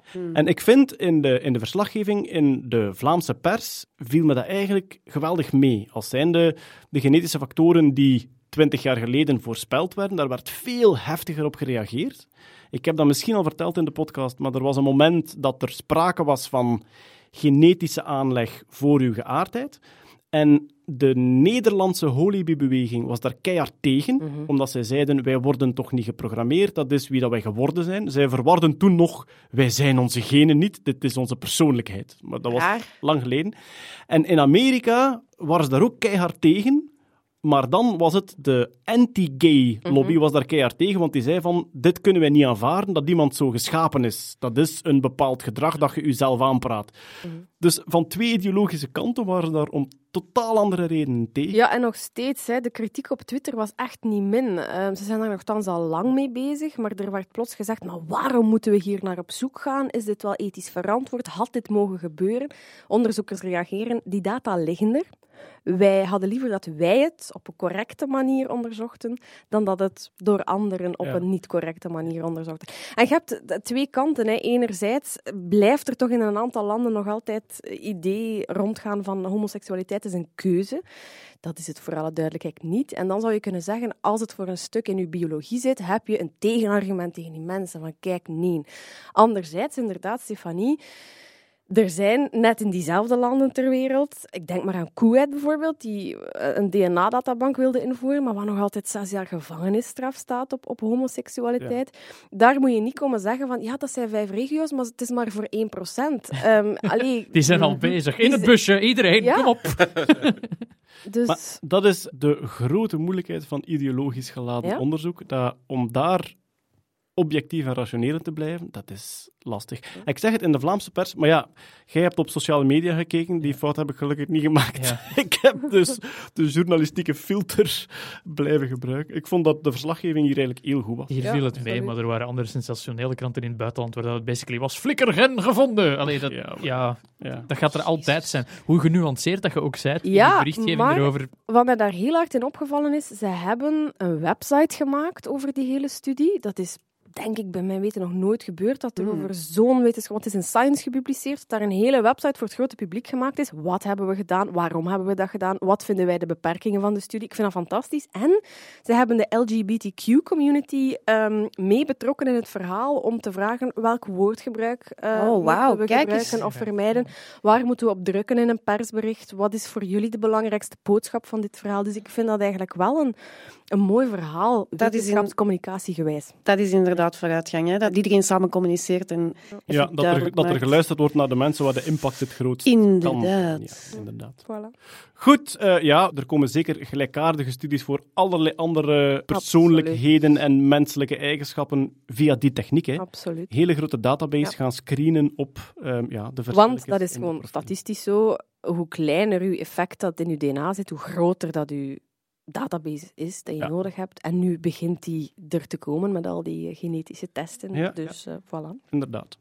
Maar we gaan nog een beetje verder op het ethische padje, maar deze keer gaan we richting AI en machine learning. Goh, van deepfakes hebben we wel al gehoord, denk ik, Marian. Namelijk de gezichten die eerst op foto's en daarna op, op bewegende beelden gekleefd werden. Ik kreeg via Twitter, stuurde mij iemand een filmpje waarin dat hij, ik denk, mijn gezicht tijdens een presentatie vervangen had door Elon Musk. En die had dat gewoon, die had dat gewoon met open source... So, Deepface heet het, denk ik. Gewoon open source software binnengehaald en op een redelijk zware thuiscomputer een nacht laten draaien en dat was geflikt. Dus dat, enfin, zo het, het faken van dat soort dingen door AI gaat heel vlot. Maar iemand heeft dat nu gedaan met de stem van zijn baas. Ja, en dat blijkt dus ook al commercieel beschikbaar, apps op de gsm of op de computer, dat je een bepaalde tekst kan laten uitspreken door iemand zijn stem, Dus het systeem heeft een paar zinnen nodig van mij om te trainen. en Ja, kan daarna mijn stem kopiëren op allerlei andere teksten. ja in dezelfde taal. En zonder dat het woorden hergebruikt of knipt in de zin van sch- schrijf nu geld over naar... Nee, Allee, nee ja. gewoon eender Ja. welke woorden. En hij gebruikt dan dezelfde, hetzelfde accent, dezelfde intonaties, dezelfde haperingen en, en tempo's en ritme van spreken. En zo is er dus nu voor het eerst voice fraude, noemen ze dat, gebeurd. De CEO van een Engels bedrijf in de UK kreeg telefoon van zijn Duitse baas eh, in het moederbedrijf van schrijf binnen het uur 240.000 dollar over naar een van onze leveranciers. Het is heel dringend. En die man was ik van geen kwaad bewust, want het was exact hetzelfde Duitse, Engels, maar met een Duits accent, met de juiste timbre en ritme en alles klopte. En hij heeft dat overgeschreven naar een Hongaars rekeningnummer en dat geld is nooit niet meer teruggevonden. Natuurlijk. Maar konden de, de mensen die de fraude aan het plegen waren, konden die zijn zinnen nog intikken en aanpassen tijdens het gesprek? Of moesten die alleen maar een voorberekend stuk laten horen dan? Eh, het staat er hier niet bij, maar ik zou vermoeden dat het op voorhand berekend is. Maar dat hangt een beetje af van hoe groot... Dit is gebeurd met neurale netwerken. Om nog eventjes kort samen te vatten, een soort van wiskundig model dat je kan trainen om een bepaalde ingangs-uitgangsrelatie te om, hebben. Om een patroon over te nemen, Over- zoals een stemtimer. En hier train je dus dat model met een aantal zinnen van de persoon die je wilt nabootsen. En naar gelang hoe groot dat netwerk is, gaat dat heel veel rekenkracht vragen of niet. Ofwel zat er een hele server achter en konden ze het in real time doen, ofwel was het op voorhand berekend met een aantal zinnen en ze kunnen al raden welke richting Dus het ja, je hebt, dat- gesprek je hebt uiteindelijk de vraag nodig en zo wat algemene aha, yep, ben nog Ja, aan het luisteren. en het is hè. echt Yep. dringend en ja, Ja. toch wel van de, binnen het uur. En Ik moet nu gaan. Het moet van de baas. Ja, maar baas, zeg je dat wel echt? Ik moet nu gaan. Ja. Ik denk dat Dirk Dunwell en Guga Baul een nieuw businessplan hebben, eh, plotseling. Beste luisteraars, hier volgt een mededeling door Lieven vanuit de montagekamer. Dit is Lieven vanuit de montage met een kleine aanvulling, want twee dagen na onze podcastopname verscheen er een eh, boeiend stuk op medium.com en daarin vroeg de schrijver zich af, zijn we wel zeker dat dit deepfake voice AI was? Eh, zijn argumenten waren van, goed, hij heeft de stem van zijn baas herkend, maar dat kan misschien ook een stemmenimitator zijn. En het, het, ja, het boeiendste argument vind ik dat hij geeft is, het is de verzekeringsfirma die naar buiten gekomen is met dat nieuws. En die verzekeringsfirma weet ook dat als zij zeggen dat het de eerste deepfake attack van stemmenimitatie was, dat zij dan in het nieuws komen met hun bedrijfsnaam enzovoort. Dus, zijn we zeker dat dit deepfake voice AI was? Nee. Eh, technisch gezien kan het wel, maar het is dus niet 100% zeker. We volgen het verder voor u op. Bericht. Nee, maar wat dat wel belangrijk is, is dit gaat veel en veel meer gebeuren. Ah, ja. We hebben er al een naam voor, phishing. Dat is voice phishing. Hola, nieuwe Ja. naam. En mensen denken eigenlijk dat het schering en inslag wordt. Eigenlijk net zoals we nu virussen binnenkrijgen op de computer, gaan we zo'n zaken dagelijks bij wijze van Oh, spreken nee, zouden dus kunnen dat, krijgen. Dat de, de spammail veranderd wordt door een spam-telefoongesprek in de stem van uw ma. Maar goed, Jezus. phishing-mails, die herken je nog als weldenkend mens, denk ik. Maar dit is toch een stuk moeilijker. Wel, het interessante is dus, net zoals wij virusscanners hebben en, en dingen die onze e-mailbox filteren, Ja. zijn er dus zeer veel onderzoekers bezig aan detectoren voor ja. deepface, hè, voor die fake videobeelden, maar dus ook voor fake audiobeelden te ontwikkelen. En dat blijkt heel goed te werken. Dus je hebt er nu die 95% eruit halen. Die 5% is nog altijd erg. Maar het probleem is, die deepfake-netwerken worden eigenlijk getraind als, ze noemen dat adversarial networks. Eigenlijk twee netwerken die tegen elkaar optrainen. Het deepfake-netwerk, dat probeert valse dingen te maken. En het herkenningsnetwerk trainen zichzelf eigenlijk in een loop. De herkenner maakt zich beter door het fake-netwerk daar uitgangen van te bekijken. En de fake-netwerk maakt zich beter om te zien wat het herkenningsnetwerk wel en niet Maar Dus dus eigenlijk, eh, eigenlijk een digitale kat en muis. Ja, Wel, maar wat, wat je nu beschrijft zijn de GANs, denk ik. Ja. GAN, General Adversarial Drie, Networks. drie podcasts geleden hebben we dat besproken in verband met texturen voor videogames. Ja. Nou ja, maar dat wordt dus hier ook toegepast. En je ziet dus eigenlijk, En kun je het dan simpel uitdrukken als... Dus je hebt eigenlijk twee neurale netwerken die samenwerken en het ene probeert constant, ik denk dat dit er heel goed op lijkt, en de andere beoordeelt, zegt van eigenlijk nog niet, je moet wat meer Ja. die richting of die richting uit. Dus de andere het andere zegt beoordeelt- eigenlijk, dit is de echte stem, dit is niet de echte stem, dit is de echte stem. En dus het, het netwerk dat wil faken, leert steeds beter en beter wat de andere niet herkent. Ja, oké. Ja. En, ehm, dus nu kunnen ze er heel veel ontdekken, maar daardoor worden die trainingsmethodes ook beter en gaan die weer andere paden. En ik, en ik vergelijk dat zo aan met cryptografie en, en alle virussen en zo. Dat is altijd een kat-en-muisspel. Hè. Cryptografie wordt beter spy. en dan worden de hackings beter. En dan, Maar enzovoort. Chri- Chris Peters gaat nooit niet meer kunnen telefoneren, want al die algoritmes gaan zoiets hebben van deze is een robot. Dat wordt- Nee, wat, wat- wat je wel hebt, is, je moet er eens op letten, heel die CD&V, die is de voorbije jaren steeds meer en meer als Chris Peters beginnen babbelen. Ja, is echt, maar- als, als Joke Schouwvliegen een toespraak geeft, dan herken je daar exact dezelfde pauzes in. en dat is, ja, ik weet niet wat dat komt. Dus misschien, misschien bestaat heel de CD&V uit een soort GAN-netwerk, GAN. die constant tegen elkaar aan het trainen zijn. Ik heb die zich ooit eens horen verspreken, die zei Chris Preters. Dus daar is meer aan de hand. Ehm, Maar hoeveel woorden hadden ze nodig in het begin om die te trainen? Is hier niet vermeld, maar als je die apps Want- en zo bekijkt, natuurlijk hoe meer, hoe beter het wordt. Maar Ja, maar- als, je, als je al eh, een paar minuten spraak hebt zelfs, kan je al iets dat er een, een beetje diezelfde dingen heeft. En van zodra dat je meer dan een kwartier of zo, wordt het echt wel goed. Er is een demo dat Adobe twee jaar geleden gegeven heeft over speech synthesis. En daar hadden ze aan, ik denk, vier voorbeeldzinnen genoeg. Dat waren wel erg geconstrueerde voorbeeldzinnen. Van Ja, en ik de, denk de, dan ook... de fox jumps over, de blablabla. Bla, bla, bla, maar, Dat eh, alle Ja. klanken erin zitten. Ja. Ja. Maar er was ook een aankondiging, denk ik, voorbije maand, dat Facebook een grote investering doet Ja. in dat soort Ja. deepfake detectiemechanismes. Ja, er was een app deze maand, denk ik, van Chinese oorsprong, die op beelden van Leonardo DiCaprio in Titanic en zo heel goed gezichten kon plakken. Maar wat dat iedereen, iedereen zei van, dit is toch goed. Maar ik vond dat heel hard opvallen dat er scènes genomen waren waarin dat de oriëntatie van het gezicht nooit hard verandert. Want ah, dat is voor mij als, als human detector nog altijd iets waarin dat ik deepfakes enorm hard kan herkennen. Vanaf dat dat hoofd draait, lijkt het alsof dat die ogen maar pas een paar frames later doorhebben dat ze mee moeten draaien. En heb je zo'n soort van lagging ogen syndroom. Zo. Ja, maar dat ik ook nog altijd een heel groot zwak punt vind, is dat die deepfakes op gezichten, dat werkt nog altijd binnen de rand van uw gezicht. Dus als Ja. een kaaklijn niet overeenkomt of een haarlijn niet overeenkomt, Ja. dat is iets dat nog altijd menselijk moet ingeschat worden van kijk, we gaan die persoon op die andere persoon zetten, want die kaaklijn lijkt daarop. En dat, Dat is is iets dat de machines nog niet doen. Dat is iets Ah, dat de al- matching moet nog goed Dat is iets zijn, dat ik ja. alle politici en BV's kan aanraden. Als je niet wilt gedeepfaked worden, kun je best zo'n soort van emo-bles laten zetten voor je gezicht. dat is enorm ambetant. Dus al die, al die gothic-jongeren, die Ja. hadden gewoon eigenlijk privacy-issues. Absoluut. Ah, ja. oké, goed gezien. Maar dat vroeg ik mij nu ook af, als je, en misschien komt het ervan, hè, stel dat je in de toekomst dan telefoongesprekken krijgt met een stem van iemand die je kent, of een van je oversten, of gelijk wat, of dat er zo geen formulering is om die te ontmaskeren. Bij de Turing-test, Ah, ja. dus de Turing-test, je doet een conversatie met een computer of een persoon, en op het moment dat je niet meer weet wie dat is, Ja. dan heeft de computer de Turing-test doorstaan. Hij is niet meer te onderscheiden van een persoon. En bij de Turing-test is de regel op dit moment heel simpel. Als je daar iets compleet onzinnig tegen zegt en die probeert serieus te antwoorden, dan is het een computer. Dus in normale conversatie heeft hij genoeg trainingsdata om mee om te gaan. En als je opeens midden in het gesprek zegt van zeg maar, die blauwe pingwings die wij gisteren samen geproefd hebben, kalibreren die nog wel?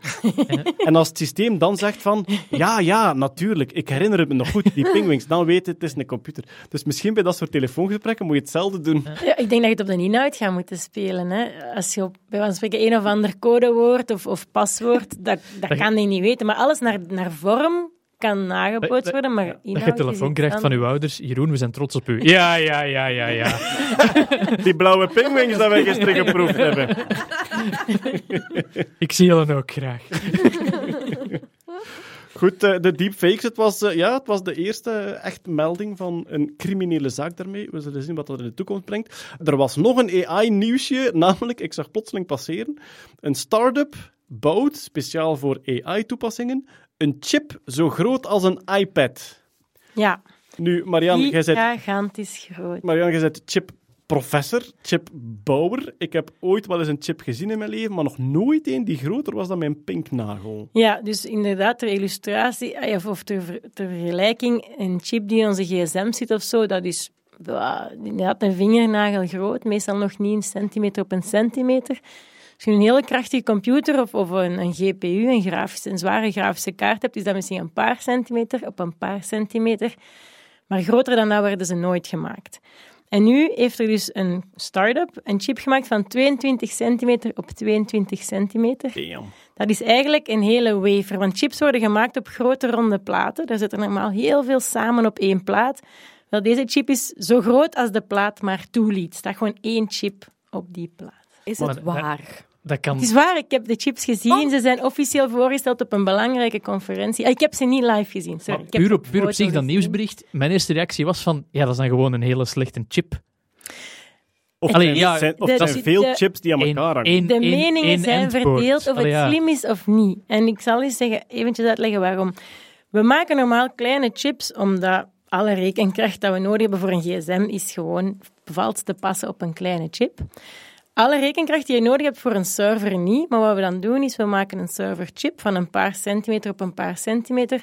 En dat steken we dan in een datacenter van Google of Amazon. Maar daar steken duizenden en duizenden van die chips bij elkaar. Dat zijn echt racks hè, van die rekken met op elke plaat misschien tien chips en zo honderd boven elkaar en vijftig Er zijn mensen dat er fulltime werken met die dingen te vervangen Ja. als er een uitvalt. En waarom het slim was om dat allemaal met aparte chips te doen, is omdat er, als je zo'n chips maakt, Die hebt nooit 100% die werken. Misschien dat er 95 of 99% werken en een paar zijn kapot, maar dat is niks. Ik maak er heel veel kleintjes, de kapotte gooi ik weg en ik heb er dan nog altijd Is dat, heel is dat veel ook niet zo dat de chips die minder goed worden dan verkocht worden, bijvoorbeeld als, bij processoren? Is dat zo van de chips die wat minder goed presteren, die worden Ja. verkocht als een goedkopere processor? De Celeron-processor. Ja, Dat, is- dat zijn die aan de buitenkant van de wafer, denk ik. Niet noodzakelijk, Ah, dat is waar dat de dopering net iets minder goed ging of zo. Dat kan overal zijn. Sorry. Nu, normaal maken we dus eigenlijk zo'n hele grote plaat. We maken daar honderden chipjes op en dan gaan we die versnijden en in kleine chipjes verpakken. En dan steken we die weer allemaal samen in één datacenter, waar dat ze gigantisch veel moeite hebben om met elkaar te praten, want dan moeten signaaltjes van de chip over een bordje naar het volgende rek, naar de volgende chip. Wat deze mensen eigenlijk zeggen is, ja, we zouden eigenlijk beter voor zaken die veel rekenkracht vragen, en het gaat er weer over treinen van neurale netwerken, zetten we gewoon al die chipjes die we normaal apart zetten, we houden die op één grote chip en al die processoren, die babbelen met elkaar binnen dezelfde chip. Die moeten niet meer van die chip naar de volgende om daar verder te gaan rekenen. Niet zo dom, maar dan zeggen mensen, ja, maar daar gaat, ik weet niet hoeveel stukjes daarvan gaan niet werken. Dus er gaat op elke chip wel een defect zijn, waardoor die hele chip waardeloos wordt. Maar daar hebben ze eigenlijk hier iets rond gevonden. Ze hebben eigenlijk op die chip 400.000 mini-processortjes. Dus dat is één grote chip, maar er staan 400.000 computertjes op die chip. Oh, jezus. En ze hebben een heel systeem om te testen welke van die 400.000 werken en welke niet. En degenen die niet werken, daar zijn gewoon routingkanalen die daar die kapotte kunnen bypassen en naar de volgende kunnen gaan. Ik ben gewoon aan het denken aan de absolute emmer eh, thermal paste dat je erop moet smeren. Ja, dat interessant. koelen. De helft van de koelen, ja. presentatie van dat bedrijf, het heet trouwens het bedrijf Cerebras, Ja. de helft van hun presentatie ging ook over hoe dat ze dat verpakken en koelen. Want er zijn gigantisch veel problemen mee. Natuurlijk, eerst en wel, je moet al die warmte wegkrijgen. En normaal heb je een luchtvloei of eh, vloeistof die over de chip vloeien. Maar als je die van de zijkant over een chip laat vloeien die zo groot is als een iPad, tegen dat die halfweg die chip is, is de vloeistof al kokend heet en koelt die de tweede helft van de chip niet meer. Dus hebben ze echt verticale pijpen waar het water verticaal naar beneden wordt gepompt naar de chip en direct terug naar boven met heel veel kleine buisjes naast elkaar. Jongens. Als je al denkt, een normale desktopchip dat nu in je desktop-PC zit, als je dat niet koelt en je doet daar Nou, berekeningen dan op, dan is dat kapot. 80, 90 graden voordat je het weet, instantly. Ja. En dat is kapot. Deze chip verbruikt één chip 15 kilowatt. Oké. Wacht Ja. hoor, dus we hebben het hier over 15 microgolfovens die constant staan te draaien. Ja, 15.000 naast elkaar. watt. aan- maar jongens, allemaal op de grootte van één iPad. Een grootte van één iPad. Wat dan ook allemaal verloren gaat als warmte, want er is geen enkel andere Ja, ja, energie je stuurt dat daar koud water, of ja, zelfs geen water, een koude vloeistof naartoe en dat komt heel warm terug weg. En Dat, dat, dat, dat zo is keigoed, dan hebben we geen atoomenergie niet meer nodig. Ja. Ja. Je kunt dat gewoon op die chips ja, maar je laten hebt wel energie nodig om die Uw chip te elektriek doen. moet van ergens komen. hè. Ah ja, dat is waar. opwarmen. Echt gewoon Econ- energie. economiediploma was het. Ja, ja, ja. Ik ben gewoon aan het wachten tot het moment waarop dat daar Doom op draait. Dat is toch een beetje het eikpunt van als er Doom op draait, dan Ja, is het het zijn chips voor AI, dus het gaat niet Ah, geen daar Doom draait- draaien. Ah, wel, de twee ga- uur draait er Doom. Ik ga nu eens proberen om bottom-up te snappen wat er ongeveer gebeurt op zo'n gigantische chip. Met mijn Velleman-kitjes heb ik ooit analoge elektrische circuitjes gemaakt. Hè, waar dat je dus eigenlijk je, je schakelingen en je condensatoren en zo analoog doet. En dan na een tijdje konden ze een pakketje kopen met een grote chip op. Maar daar kreeg je nog het schemaatje bij van alle AND, OR en NAT poorten die daarin zitten, in dat klein chipje.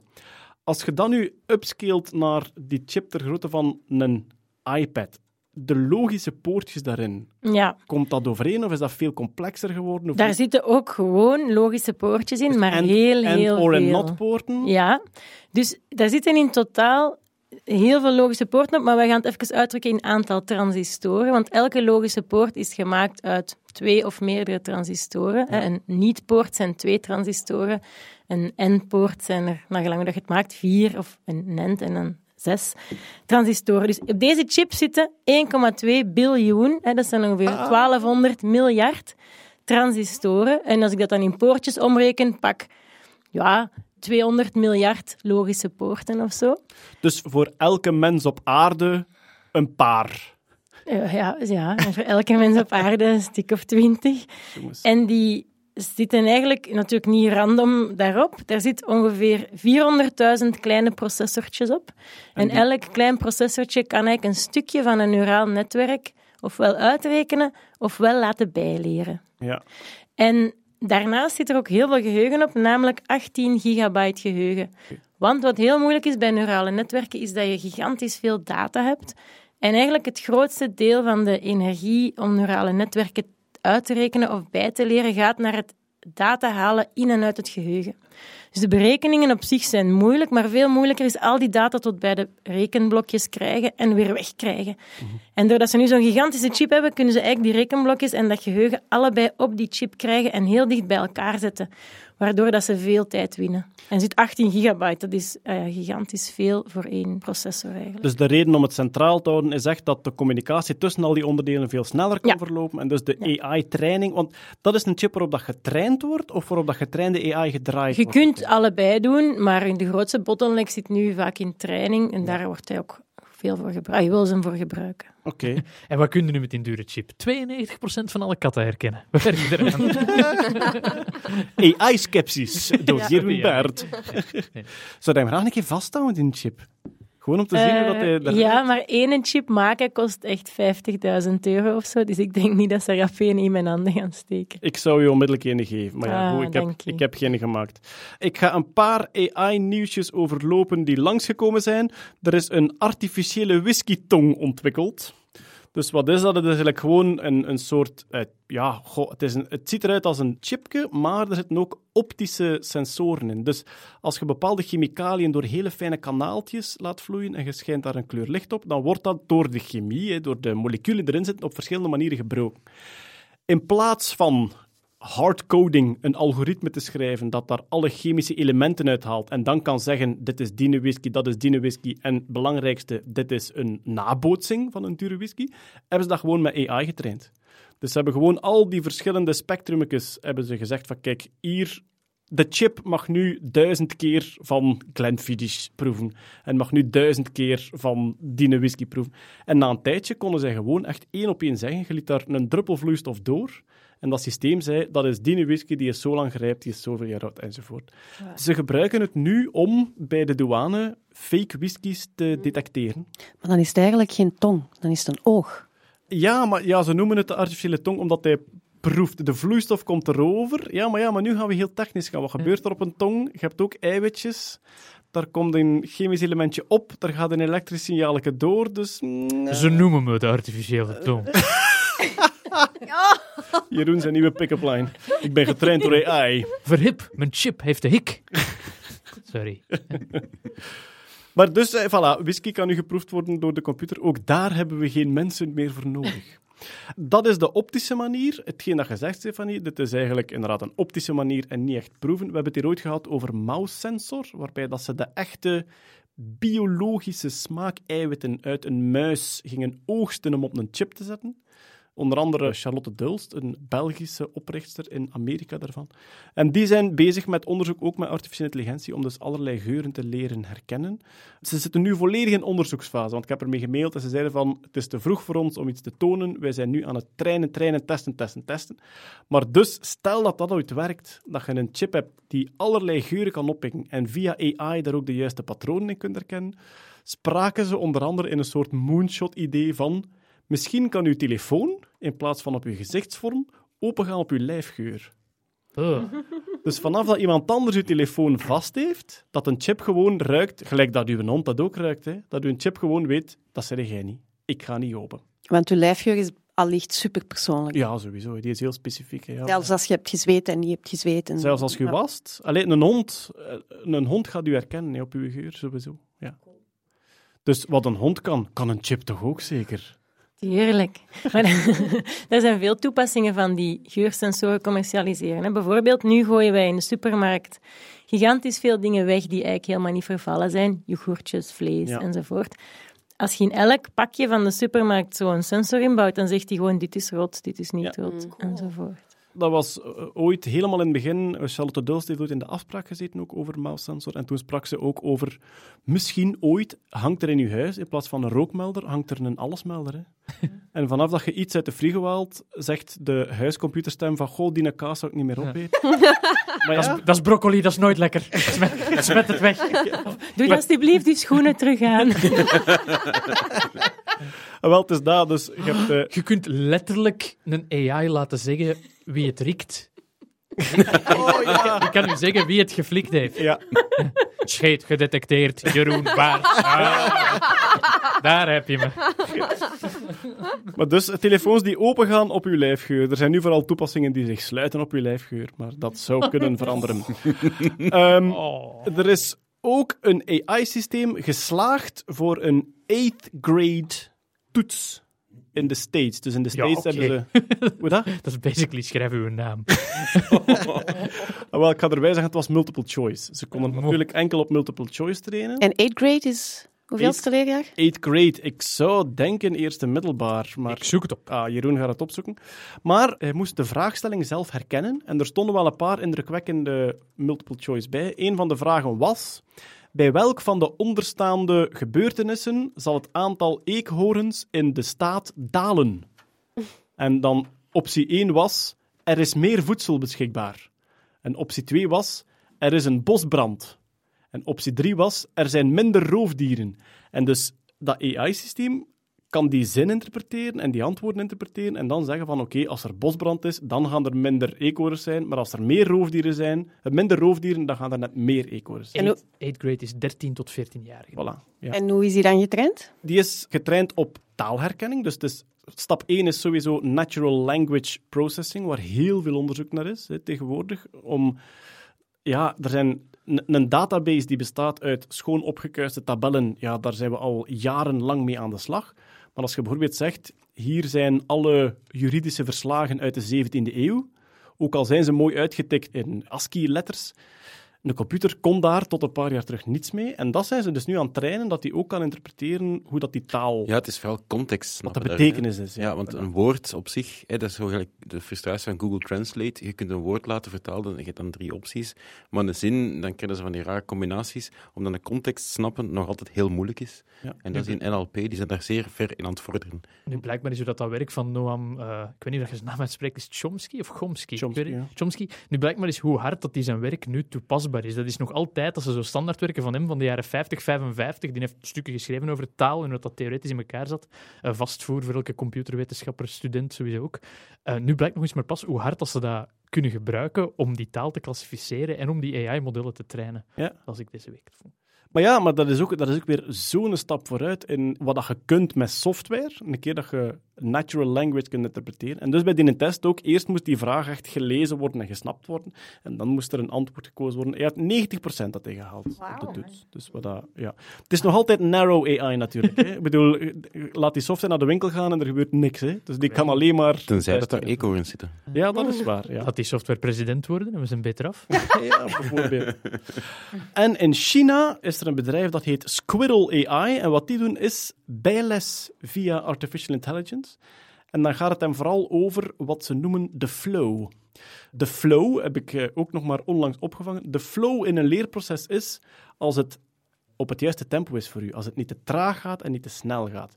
Ik ben al een paar keer begonnen aan een online programmeercursus. En die gaan ofwel te traag ofwel te snel. En dus wat is het motiverendste voor een student als je in de juiste flow zit? Je krijgt altijd genoeg nieuwe uitdagingen, maar het groeit nooit boven uw kop. En dus die Squirrel AI, die zetten gewoon leerlingen aan een computer. En daar loopt een supervisor bij die ze altijd mogen aanspreken. En door hun interactie met die software zoekt die computer de juiste flow voor die leerling en die traint zichzelf bij door achteraf de motivatie en de resultaten van die studenten bij te houden. Dus dat is eigenlijk een beetje een vergevorderde versie van de Khan Academy, die ook al werkte met de flipped classroom, maar ja. dan de deze is slimmer en gaat vanzelf weten wanneer dat je naar de volgende kunt gaan ja, of zo. De software zoekt de patronen hier. In plaats van de menselijke begeleider is de software die de patronen zoekt en denkt van wat heeft er gewerkt in het verleden voor dit soort leerling? Ik moet waarschijnlijk dat doen. Ja. En het is alleen met software, want ik heb ooit gehoord van testen waar ze ook op de stoelen en, en het lichaam van de leerlingen sensoren vastmaakten om te zien hoe geëngageerd dat ze nog zijn in de lessen en het leren en zo. Ja, ah, dat stond, er hier, dat stond er hier niet bij. Maar als input om, om een Ja. systeem te trainen zou dat wel heel goed zijn. Ik denk bijvoorbeeld, hadden ze bij mij aan mijn rug een soort meter gehangen om te zien hoe diagonaal dat mijn rug, dus hoe ver dat ik ging doorzakken uit mijn stoel. Ik denk dat gewoon vanaf het eerste middelbaar al die computers geshutdowned waren. dat is heel pijnlijk als zo'n systeem zich zo hard aanpast aan u, dat je uiteindelijk dat iedereen begint met een begincursus programmeren en dat zo één iemand na een half uur daar zit, klik op de rode ballon. uh. Zie jij wat Boomba in zijn hand heeft Helemaal mijn tempo. Dank u, AI. Oké, okay, ik denk dat het zo langzaam aan tijd is voor... Elon. Elon. Elon Musk Nieuws. Het belangrijkste Musk-nieuws van de voorbije maand was toch de hoptest van het Starship. Dus ja. Het Starship zijn gigantische vliegende suppositoire, of zetpil, zetpil voor de Nederlanders. Maar de top is eraf, omdat die omgevallen Wat? is in een storm. De top is eraf? Ja, ja, ja. Dus de bovenkant van de grote raket is eraf, omdat die omgevallen is in een storm. Maar ze doen er wel een testen mee nu. Dus hij ziet er nu uit, ja, sommigen zeggen als een watertoren. Sommigen zeggen als de grote broer van R2-D2. En uh, die heeft nu een testvlucht gemaakt tot 150 meter hoog, waarbij dat hij ook een soort horizontale verplaatsing maakte naar Ja. een ander platform, waar hij ook heel mooi en stabiel geland is. En allemaal op één motor, heb ik gezien. Ja, het is zo'n motor die dat van onder in, van richting kan veranderen. Zo, Ja. als je ooit raketten gebouwd hebt, dan er heeft er ooit een dat ook gebouwd. Zo, als je met magnesiumlint raketten bouwt, dat is een motor die eigenlijk propulsie heeft naar beneden. En als je die een beetje draait naar links, dan gaat je raket een beetje naar rechts. Ja. Dus die controle daarvan, de controle om hem een bepaalde kant uit te sturen, kun je met die richting veranderen en met heel veel computerwerk en accelerometers Absoluut, kun ja. je dat stabiel houden. Want nog altijd, het komt, het komt eigenlijk een beetje op hetzelfde neer als zo een bezemsteel op je hand laten eh Zo, zoals. Segway-achtig ook. dan. Ja, je moet constant over, je moet overcompenseren om hem terug stabiel te krijgen. En dus daar gaat veel rekenkracht mee gepaard. De beelden waren prachtig Ja. van die een hoptest. Je hebt zo die woestijn. Het is in Texas dat ze hem testen. Wat ook een probleem was, omdat daar ook nog bewoning is. hè. Ja, dus dat, is, en ja. dat was zo gezegd, als het mis zou lopen, dan zouden er wat ramen sneuvelen van de mensen die in de buurt wonen, van de Ja. explosie of whatever dat er dan ging. eh. En dus gebeuren. alle mensen moesten gedurende de test buitenshuis zijn. Ja. Ze moesten hun huis verlaten en niet in de buurt van vensterramen komen. Maar Musk had wat tunnels gegraven en die kon dan daarin zitten. Eh, ja, Starship heeft dus zijn hoptest gedaan van 150 meter. De volgende fase is suborbital. ja. Dus dat is omhoog gaan naar de ruimte en dan net niet snel genoeg om in een stabiele baan te komen en terug naar beneden te komen. En die zou gepland zijn voor september of oktober. Ja. Dus we vertellen erover in december. Musk time. Sorry. Inderdaad. Starship is toch de, een nieuwe naam voor de Big Falcon Rocket? ja, dat is, dat is echt het schip dat er met 30, 40 Wat man- Starship is, denk ik, enkel de unit die er bovenop komt. Ja. Ah. Waar dat dan 40 man in kan om naar de maan te gaan of naar Mars te gaan in de, in de verdere toekomst. De testen gaan tot nu toe heel goed, waardoor er een soort hoera-stemming is bij ruimtevaartjournalisten die zeggen van als het zo blijft voortgaan, dan zien we mensen op de maan binnen de 10, 20 jaar en op Mars binnen de 30 jaar, zeggen ze nu. Musk wil dat waarschijnlijk nog eerder. Maar dus ja, dat is echt zo, de, ja, de gigantische unit, die komt dan bovenop een draagraket. En dat is dan de BFR? Ja. Oké. Ja. Ik heb trouwens in de research ben ik op een YouTube-kanaal uitgekomen. Everyday Astronaut heet dat. En dat is een fantastisch kanaal. Die maakt filmpjes van, meestal wel lang, hij maakt filmpjes van 40, 50 minuten. Maar die geeft zo een degelijke uitleg over waarom dat ze bepaalde keuzes maken, waarom dat ze nieuwe motoren ontwikkeld hebben. Enfin, ik heb er geweldig van genoten. Je kunt er drie Astronaut. bekijken voor één podcast van ons. Ja.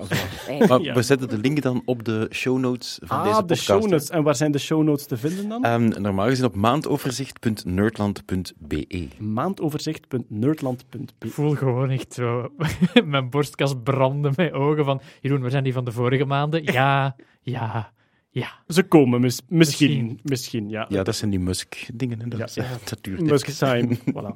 Musk is ook op reis geweest naar China. Hij wil daar een Tesla-fabriek oprichten. Dus alle Tesla's die nu verkocht worden in China, die worden nog geproduceerd in de States. En hij zou daar een fabriek willen oprichten. En hij heeft ook aangekondigd dat hij een Chinese afdeling van de Boring Company wil oprichten, die daar dus tunnels gaat graven. Normaal gezien ging hij een grote aankondiging doen. Hij is nog maar net terug. Hij is eind augustus naar China geweest. Hij heeft onder andere een AI-debat gedaan met Jack Ma van eh, Alibaba. En dus voilà, hij heeft plannen om ook in China eigenlijk bedrijven op te richten. Ja, zo'n tunnel in China, ze kunnen er wat dissidenten in steken, hè, dat denk ik dan. Dat is allemaal maar, ja... Ze, is ze- bla, hè. ze hebben al een lange muur, ze kunnen nu een lange tunnel graven. Hè. Ah, ja, voilà, waar, om, zich te beschermen tegen het Mongoolse Rijk. Je weet maar nooit. Verder, Marianne, de KU Leuven heeft nog maar eens een Tesla gehackt. Weer al. Dus de vorige keer hadden ze de keycard van een Tesla kunnen kopiëren en daardoor hem kunnen openmaken en ermee wegrijden. Niet echt kopiëren. De vorige keer konden ze een Tesla open doen zonder de kaart van de eigenaar aan te raken, maar door in de buurt van de eigenaar te zijn en eigenlijk via zijn kaart de geheime sleutel te achterhalen en op die manier de auto open te doen. Dus eigenlijk om in een paar seconden draadloos een auto te kunnen opendoen zonder de kaart aangeraakt te hebben. Ja. En Tesla heeft dat, dat is net een jaar geleden. En ze hebben aan Tesla op tijd verteld. En Tesla heeft aan het bedrijf waar ze mee samenwerkt voor hun keycards dat laten weten. En die hebben hun security level verhoogd. Hè, want ze zijn van een 70-bit geheime sleutel gegaan naar een 80-bit geheime sleutel. Dat is eigenlijk het, het, geheim dat niemand mag weten, waarmee je alle berekeningen doet om die auto open te doen. Dit is Marjan vanuit de montage. Ik zei hier net 70-bit, maar dat moet natuurlijk 40-bit zijn. Maar vanaf nu zeg ik het wel juist. Je moet weten, als je van 40-bit naar 80-bit gaat, dan wordt het eigenlijk eh, 2 tot de 40ste keer moeilijker om binnen te geraken, wat dat eigenlijk wil zeggen dat het ongeveer een miljard keer moeilijker wordt. En vroeger kon ze op een paar seconden binnenbreken. Ja, nu zou je dan een miljard keer een paar seconden nodig hebben. En dat is onbreekbaar. Maar er zat blijkbaar een fout in dat systeem. En dat is nu ontdekt door mensen van bij ons op het departement aan de KU Leuven, door Lennart Wouters. Je kan namelijk aan die sleutel een bepaald commando geven dat hij zich terugzet in 40-bit mode. Daarmee kan je niet de auto open doen, maar hij gebruikt dan eigenlijk de laagste 40-bit van je 80-bit sleutel. En die kan je dan eigenlijk eerst gaan uitvissen. En eens je die onderste 40-bit gevonden hebt, kan je eigenlijk ook weer redelijk gemakkelijk de bovenste 40 bits gaan zoeken. En zo heb je maar twee keer zoveel tijd nodig als vroeger, in plaats van een miljard keer meer tijd. Oké, dus En dat hebben ze nu bewezen en aan Tesla laten weten. En ja, er is weer een nieuwe patch voor gemaakt. Dus het, het epicentrum van Tesla-hacking ligt vandaag in Leuven eigenlijk. Blijkbaar ligt dat op dit Parkeren we moment een in auto Leuven. nooit aan EZAT. Gewoon. Ja, het, is ook, het is wel hilarisch als je die eh, lezingen van die ehm, onderzoeker ziet. Hij zegt, ja, dus eigenlijk, eerst moet je beginnen met zoek een Tesla. Dat is niet moeilijk. Je gaat gewoon naar een oplaadpunt. Daar staat hem op te laden. En dan heeft hij zijn hele uitleg over hoe hij die hackings Hij heeft eigenlijk een, een instructable gemaakt, ja, stelen. Tesla. Want het is echt met super low-cost technologie. Hij heeft zo voor een aantal dollar een microcontroller gekocht en dan nog een draadloze zender-ontvanger. En dat bijeengebricoleerd met code. En daarmee kun je gewoon een sleutel uitlezen en van alle berekeningen doen.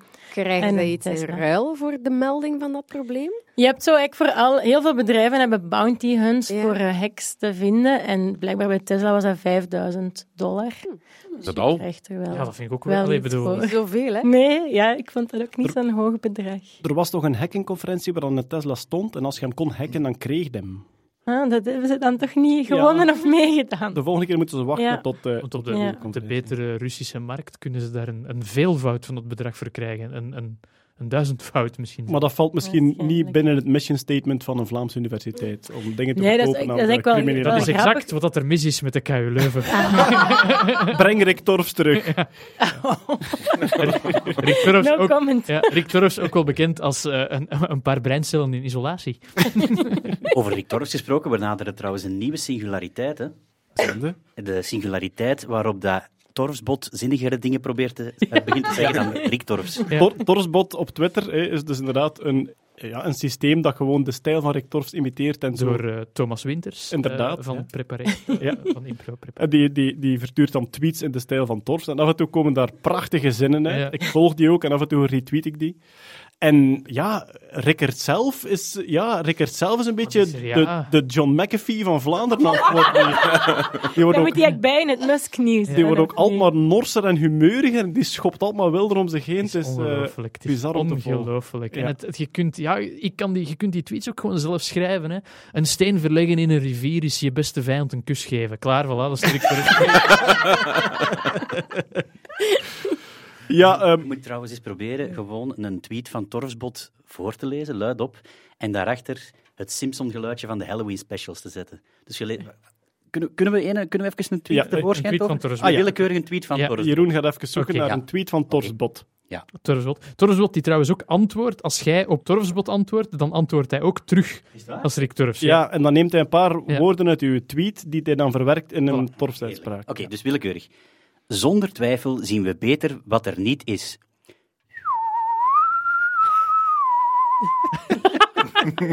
Overtuigend. Overtuigend. We gaan op Twitter blijven, want ja, Musk die doet ook de meeste van zijn aankondigingen en van zijn gekkigheden op Twitter. En er was blijkbaar een Twitter-discussie over een asteroïde. We hebben het er vorige keer ook over gehad. Een asteroïde die in de buurt van de aarde gekomen was. Wat dan wil zeggen, ja, tussen de aarde en de maan. Hè, wat nog altijd een heel lage kans op impact heeft. Maar iemand had erover getweet naar Musk.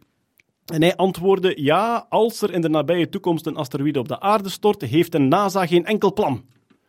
Dat was een soort alarmistische tweet, want er is geen enkele dreiging op dit moment. Maar helaas moet ik zijn uitspraak weer leggen. Er is deze maand een conferentie met onder andere NASA, ESA en ik denk ook de Japanse ruimtevaartorganisatie. En die conferentie heeft als enig doel plannen uitschrijven om asteroïden weg te duwen uit hun baan. En ze zouden het zelfs willen testen op een onschadelijke asteroïde.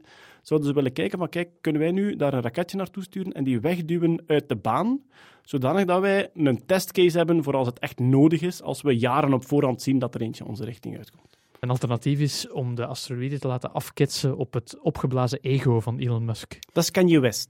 Ik denk dat je de twee vergist. Ja, en hij heeft ook een presidentskandidaat gesteund. De Democraten die beginnen nu in zeer vroege fase te kijken wie gaan wij selecteren voor onze primaries. Dus wie gaan wij selecteren om uiteindelijk de kandidaat te worden die het opneemt tegen Trump. En hij heeft Andrew Yang gesteund. Ik ken er niet zoveel van. Ik ben even naar zijn Twitter gegaan. En ja, het is een, voor hem een zeer logische keuze, want het is echt wel een technologie-optimist en toekomstdenker, Stefanie? Optimist, niet zozeer realist, denk ik. Het is een entrepreneur mhm. met een uh, juridische achtergrond. Hij is de zoon van een fysicus en een statisticus. Dus de, de beta genes are strong in this one. Zijn slogan is not left, not right, but forward. En, Prachtig. En, en nu gaat, nu gaat hij heel veel punten scoren hier. Zijn... schrijft voor hem. En zijn merchandise, dus zijn t-shirts en zijn pitches, daar staat gewoon op math. Wiskunde. Math. Ja. En, en de, de groep mensen die hem steunen, dus zijn militanten, die heten de Yang Gang. De Yang Gang. Dus op Twitter vind je heel veel terug onder hashtag Yang Gang. En het is niet zo verbazingwekkend dat Elon Musk hem steunt, want ze hebben denk ik twee dingen gemeen in, in visie. Het belangrijkste is de Universal Basic Income. Daar is hij mee aan het campaignen. Hij noemt het dan de Freedom Dividend, want dat is een geniale marketingzet. Amerikanen toe. En dus waar het op neerkomt is, hij wil elke Amerikaan boven de 18 jaar 1000 dollar per maand geven, no questions asked. Iedereen krijgt dat. Indeed. En je gaat werken voor de extra die je daarbij wil. Ja. ja. Hij wil de automatisatie en artificial intelligence voor zijn. Hij weet dat er heel veel jobs gaan verdwijnen. Er zijn heel weinig kandidaten die daar eigenlijk mee bezig zijn. En dat is zijn antwoord daarop. Een ander ding wat hij gemeen heeft met Elon Musk is de carbon tax. Hij wil ook een carbon tax, maar dat heeft hij ook een andere naam gegeven, de carbon fee en dividend. Op CO2 dan, ja. ja hij, hij, geeft duidelijk namen die uit de ondernemerswereld komen, want alle voorstellen die hij doet, op zich, zou je kunnen zeggen, zeer on-Amerikaans. Als zijnde Universal Basic Income, je kunt moeilijk harder ingaan tegen het harde marktkapitalisme. Hè. Je zegt van kijk, iedereen krijgt sowieso 1000 euro en die komt van mensen die bedrijven hebben, ondernemen enzovoort. Maar hij geeft het duidelijk goede termen als zijnde de, de freedom dividend. Ja, dat werkt natuurlijk. Wilt het dan ook zeggen dat dat wel helemaal doorgerekend is, dat het haalbaar is en zo, die duizend dollar? Ja, he knows his math. Ja, dat is een beetje het nadeel van die Amerikaanse verkiezingen. Je krijgt alleen maar soundscapes als die mensen aan het debatteren zijn. Dus je moet echt wel op zoek gaan naar interviews waarin er wel langer wordt gepraat. Maar in dat interview bijvoorbeeld met Joe Rogan heeft hij het helemaal uitgerekend. Heeft hij helemaal gezegd van, kijk, dit is hetgeen wat het ons zou kosten als die jobs verloren zijn. En dit is hetgeen wat ons zou kosten om die freedom dividend uit te delen. En dat zou haalbaar zijn. Hij heeft trouwens nog een ander standpunt wat ik ook heel interessant vind. Een van de grote problemen in de Verenigde Staten is als je, als je runt voor president, heb je heel veel geld nodig. Ja. Niet alleen om gewoon bekend te worden, maar echt gewoon om op het podium te mogen staan. Campagne en dat soort Ja, en dus wat krijg je dan? Dan krijg je de kandidaten die heel veel geld krijgen van grote bedrijven en van die super PACs en zo. Dat is allemaal heel ingewikkeld. Zijn simpele oplossing daarvoor is, we geven elke Amerikaan 100 dollar. Maar dus iedereen kan zelf beslissen waar hij zijn 100 dollar. poli- politieke steun aan geeft. Right. Want hier is 100 dollar campagnegeld, die is voor u.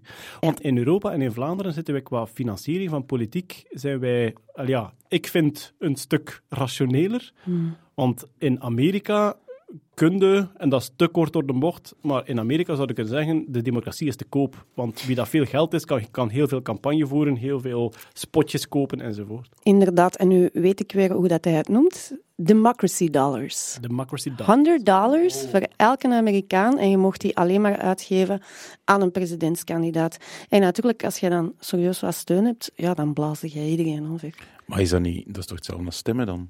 Dat is een verkiezing voor de verkiezingen. Ja. Dat zou dan- Wat zou... Zijn, ja. zijn idee voor stemmen is trouwens een mobiele app om te stemmen via de blockchain. En dat is waar bij mij de vlagjes toch wel omhoog gingen. Hij heeft van, blockchain heeft, vernoemd. Heeft deze man wel echt door waar hij mee bezig is? Of is hij gewoon een paar buzzwords aan het regurgitaten? En dat heb ik bij de rest van zijn plannen ook een klein beetje. Ja, hij heeft een goede track record. Ja. Ehm, of dat hij verkiesbaar is in Amerika, ja, daar kunnen we sinds de vorige verkiezingen niet meer op afgaan, want wie kan dat in godsnaam nog eens? Daar is hij te slim voor. Mm, Ja, die kans is klein, maar ik acht het niet onmogelijk. Hij staat nu op ongeveer 3% in de national polls, terwijl de grootste kanshebber nu is nog altijd Joe Biden, die de ene kemel naar de andere maakt. Dus, eh, ik denk deze week op tv geweest en gewoon eh, de, de naam van Obama vergeten. En echt zo van... De vorige presidentskandidaat is niet afgerekend op kemels. Dus dat, eh, ja. Joe Biden bot daarentegen is heel goed bezig. Er was ook, was ook Maar- een speech deze week waarin dat Joe Biden zijn oog, een totaal en onschadelijk medisch probleem, maar die zijn oog vulde zich opeens met bloed. Waardoor het echt zo'n beetje was van, yep, lizard people. Lizard people. Fear my wrath. ik, be- ik bedoel, hallo Amerika. Elon Musk heeft Andrew Yang gesteund. Het is een zeer interessante kandidaat. En Ja, en ik wil er nog één ding aan toevoegen. Yep. En dat is een heel interessante poll. Er is gepold naar de Trump-voters. Op wie zouden zij Ah, maar dat is heel belangrijk. Wie zouden zij eventueel kunnen stemmen bij de Democratische Partij? En dat zijn Bernie Bernie Sanders. en Yang. En Ah, Yang ja, staat tweede. Dus 13% van die Trump-voters zouden eventueel voor Bernie stemmen en 10% op Yang. Dus dat is wel, dat is wel significant. Dat is significant en we leven in een gekke tijd waar dat een compliment is. De Trump-voters zien jou ook wel zitten. Ja, dat is het wat Musk-nieuws betreft. We hebben nog twee andere gorillas. John McAfee, want die is er elke keer weer bij. Hij is Ja. terug op vrije voeten, Hij is terug Jeroen. op vrije voet. Dus ze hadden hem even opgepakt rond de Bahamas, de, die groep Centraal-Amerika, waar dat hij op een boot rondvaarde met heel veel wapentuig op de boot en daarmee zwaaide op het dek. En dan hadden een paar havens toch zoiets van, hm, er staat een gekke man in zijn boxershort te zwaaien met voluit auto- automatische wapens in onze, in onze haven. Wie braaf is, Ja. krijgt lekkers. Wie stout is, de AK-47. Eh, dan is hij drie dagen opgepakt. En die drie dagen dat hij in de, in de nor gezeten heeft, hebben hem alleen nog maar vast, allee, vast overtuigender gemaakt dat they are out to get him. En nu reist hij op zijn boot, en als hij op het land gaat ook, reist hij rond met een draagbare Faraday-kooi. Dus stel u een soort van partytent voor, waar dat hij met grote ja, zilverpapierpanelen eigenlijk, eh, die, hij kan die tent opzetten. Op een half uur kan hij ze rechtzetten, zijn Faraday-kooi. En da daar binnen in de kooi kan hij met zijn vrouw dingen bespreken en dus met, met businessmensen ook dingen bespreken die dat niet daarbuiten mogen. Het is echt zo tinfoil Ja. head, the Ja. next level. Ja.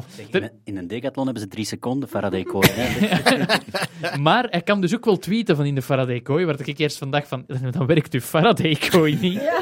Maar er, er, is een internetkabel dat hij erin toelaat voor als hij wil de, de natie toespreken vanuit zijn Faraday-kooi. Dus als je nu naar de Twitter-account van John McAfee gaat, en ik kan het iedereen aanbevelen, dan zijn er nu soms van die, vanuit Kickforce perspectief gefilmde toespraken van John, John McAfee ah, voor zijn zilverpapier, waarin hij zegt hoe dat de nieuwe crypto-coin Huppel de Pup de hoge toppen gaat scheren en van hoe dat, hij is nog altijd presidentskandidaat ook. Dus Andrew Yang, pas maar op. Er is een man in flipflops in een Faraday-kooi die, maar dat, die ook maar dat is goed dat hij nog kan videostreamen, want we zijn er bijna op het moment Ja, dat hij ja. zijn ja. eh, Twint- ding gaat ja, opeten. 2020. Al heeft hij onlangs ook al laten vallen, dus John McAfee gaat zijn piemel opleten als eh, bitcoin tegen 2020 niet boven 1 miljoen dollar staat. En Mhm. bitcoin was eventjes naar 13.000 dollar, maar is teruggezakt naar 9.000, want I don't know, er heeft iemand in China een scheet gelaten en dat komt als crypto. Weet ik veel wat dat beïnvloedt. Maar hij heeft ondertussen al laten vallen dat hij het ook zou kunnen outsourcen, het opeten van zijn piemel. En dat hij, Ah, dat hij een hoop eh, prostituees zou inhuren om het te doen.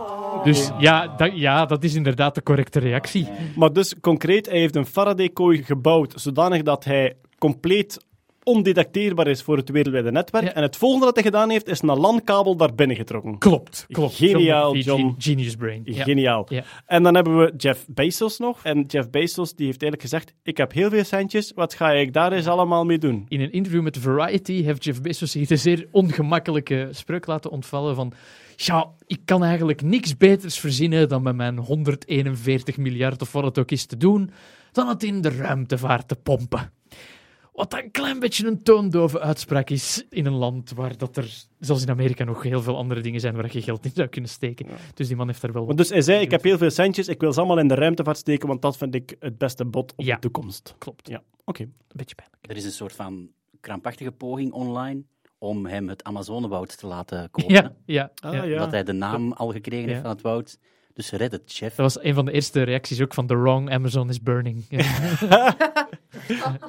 Ja, er was ook een die zei van, mijn tante was in paniek toen ze hoorde dat de Amazon in brand stond, want ze dacht dat haar pakketje niet ging toekomen. Dat was er ook een. Er is ook een, een Twitter-account, Has Jeff Bezos Solved Poverty Yet? Gebaseerd op een oude berekening dat om armoede de wereld uit te helpen, los van logistieke... Allee, dat is natuurlijk een valse vergelijking. Maar er is een bedrag opgeplakt en dat bedrag is slechts een fractie van wat Jeff Bezos nu in zijn bezit zou hebben. En die, die Twitter-bot die eh, tweet gewoon elke dag, nee, nog altijd niet. ik vind het een leuk kunstconcept, maar de vergelijking loopt natuurlijk een beetje mank. Goed, we gaan het Musk-nieuws bij deze verlaten en we gaan naar het diertjesnieuws. Hoera, diertjes! Wat is er allemaal gebeurd met diertjes? Er was een eh, filmpje dat plotseling terug viraal ging deze maand op Twitter, hoewel het eigenlijk al enkele maanden oud is. En het is een systeem om eh, de zalm is in nood, hè, want dus er worden steeds meer hindernissen gebouwd in rivieren, waardoor de zalm niet meer zijn weg tegen de stroom kan volgen naar de Dam- plek Dammen bijvoorbeeld. Voilà, de plek waar hij kuit moet waar zij kuit moet schieten in dit geval. Maar daar is een geniaal systeem voor, namelijk de zalmbuizenpost. Een soort vacuümbuis waar je een zalm ofwel manueel insteekt, ofwel die verleidt om daarin te zwemmen. En dan wordt die over honderden meters via de buis, foemp, naar een hogere plek in de rivier ge, ja, eigenlijk. De buis heeft ook wel de naam de Salmon Cannon. De Salmon Cannon. En het bedrijf dat de buis maakt eh, noemt Whoosh. Whoosh. ah, Met drie O's. Ja, Whoosh. whoosh met drie O's. Het ding noemt de Whoosh Tube. Het is oorspronkelijk ontwikkeld om fruitoogst te vervoeren. dus als je zo'n appel zonder bloedsen en dingen aan de andere kant wilt krijgen, dan kan dat dat. Kan- Tonijn, tonijn is ooit juridisch een groente geweest in Europa. dat is gelijk tomaat, is technisch gezien een isolatiemateriaal. Ja, maar, Wat?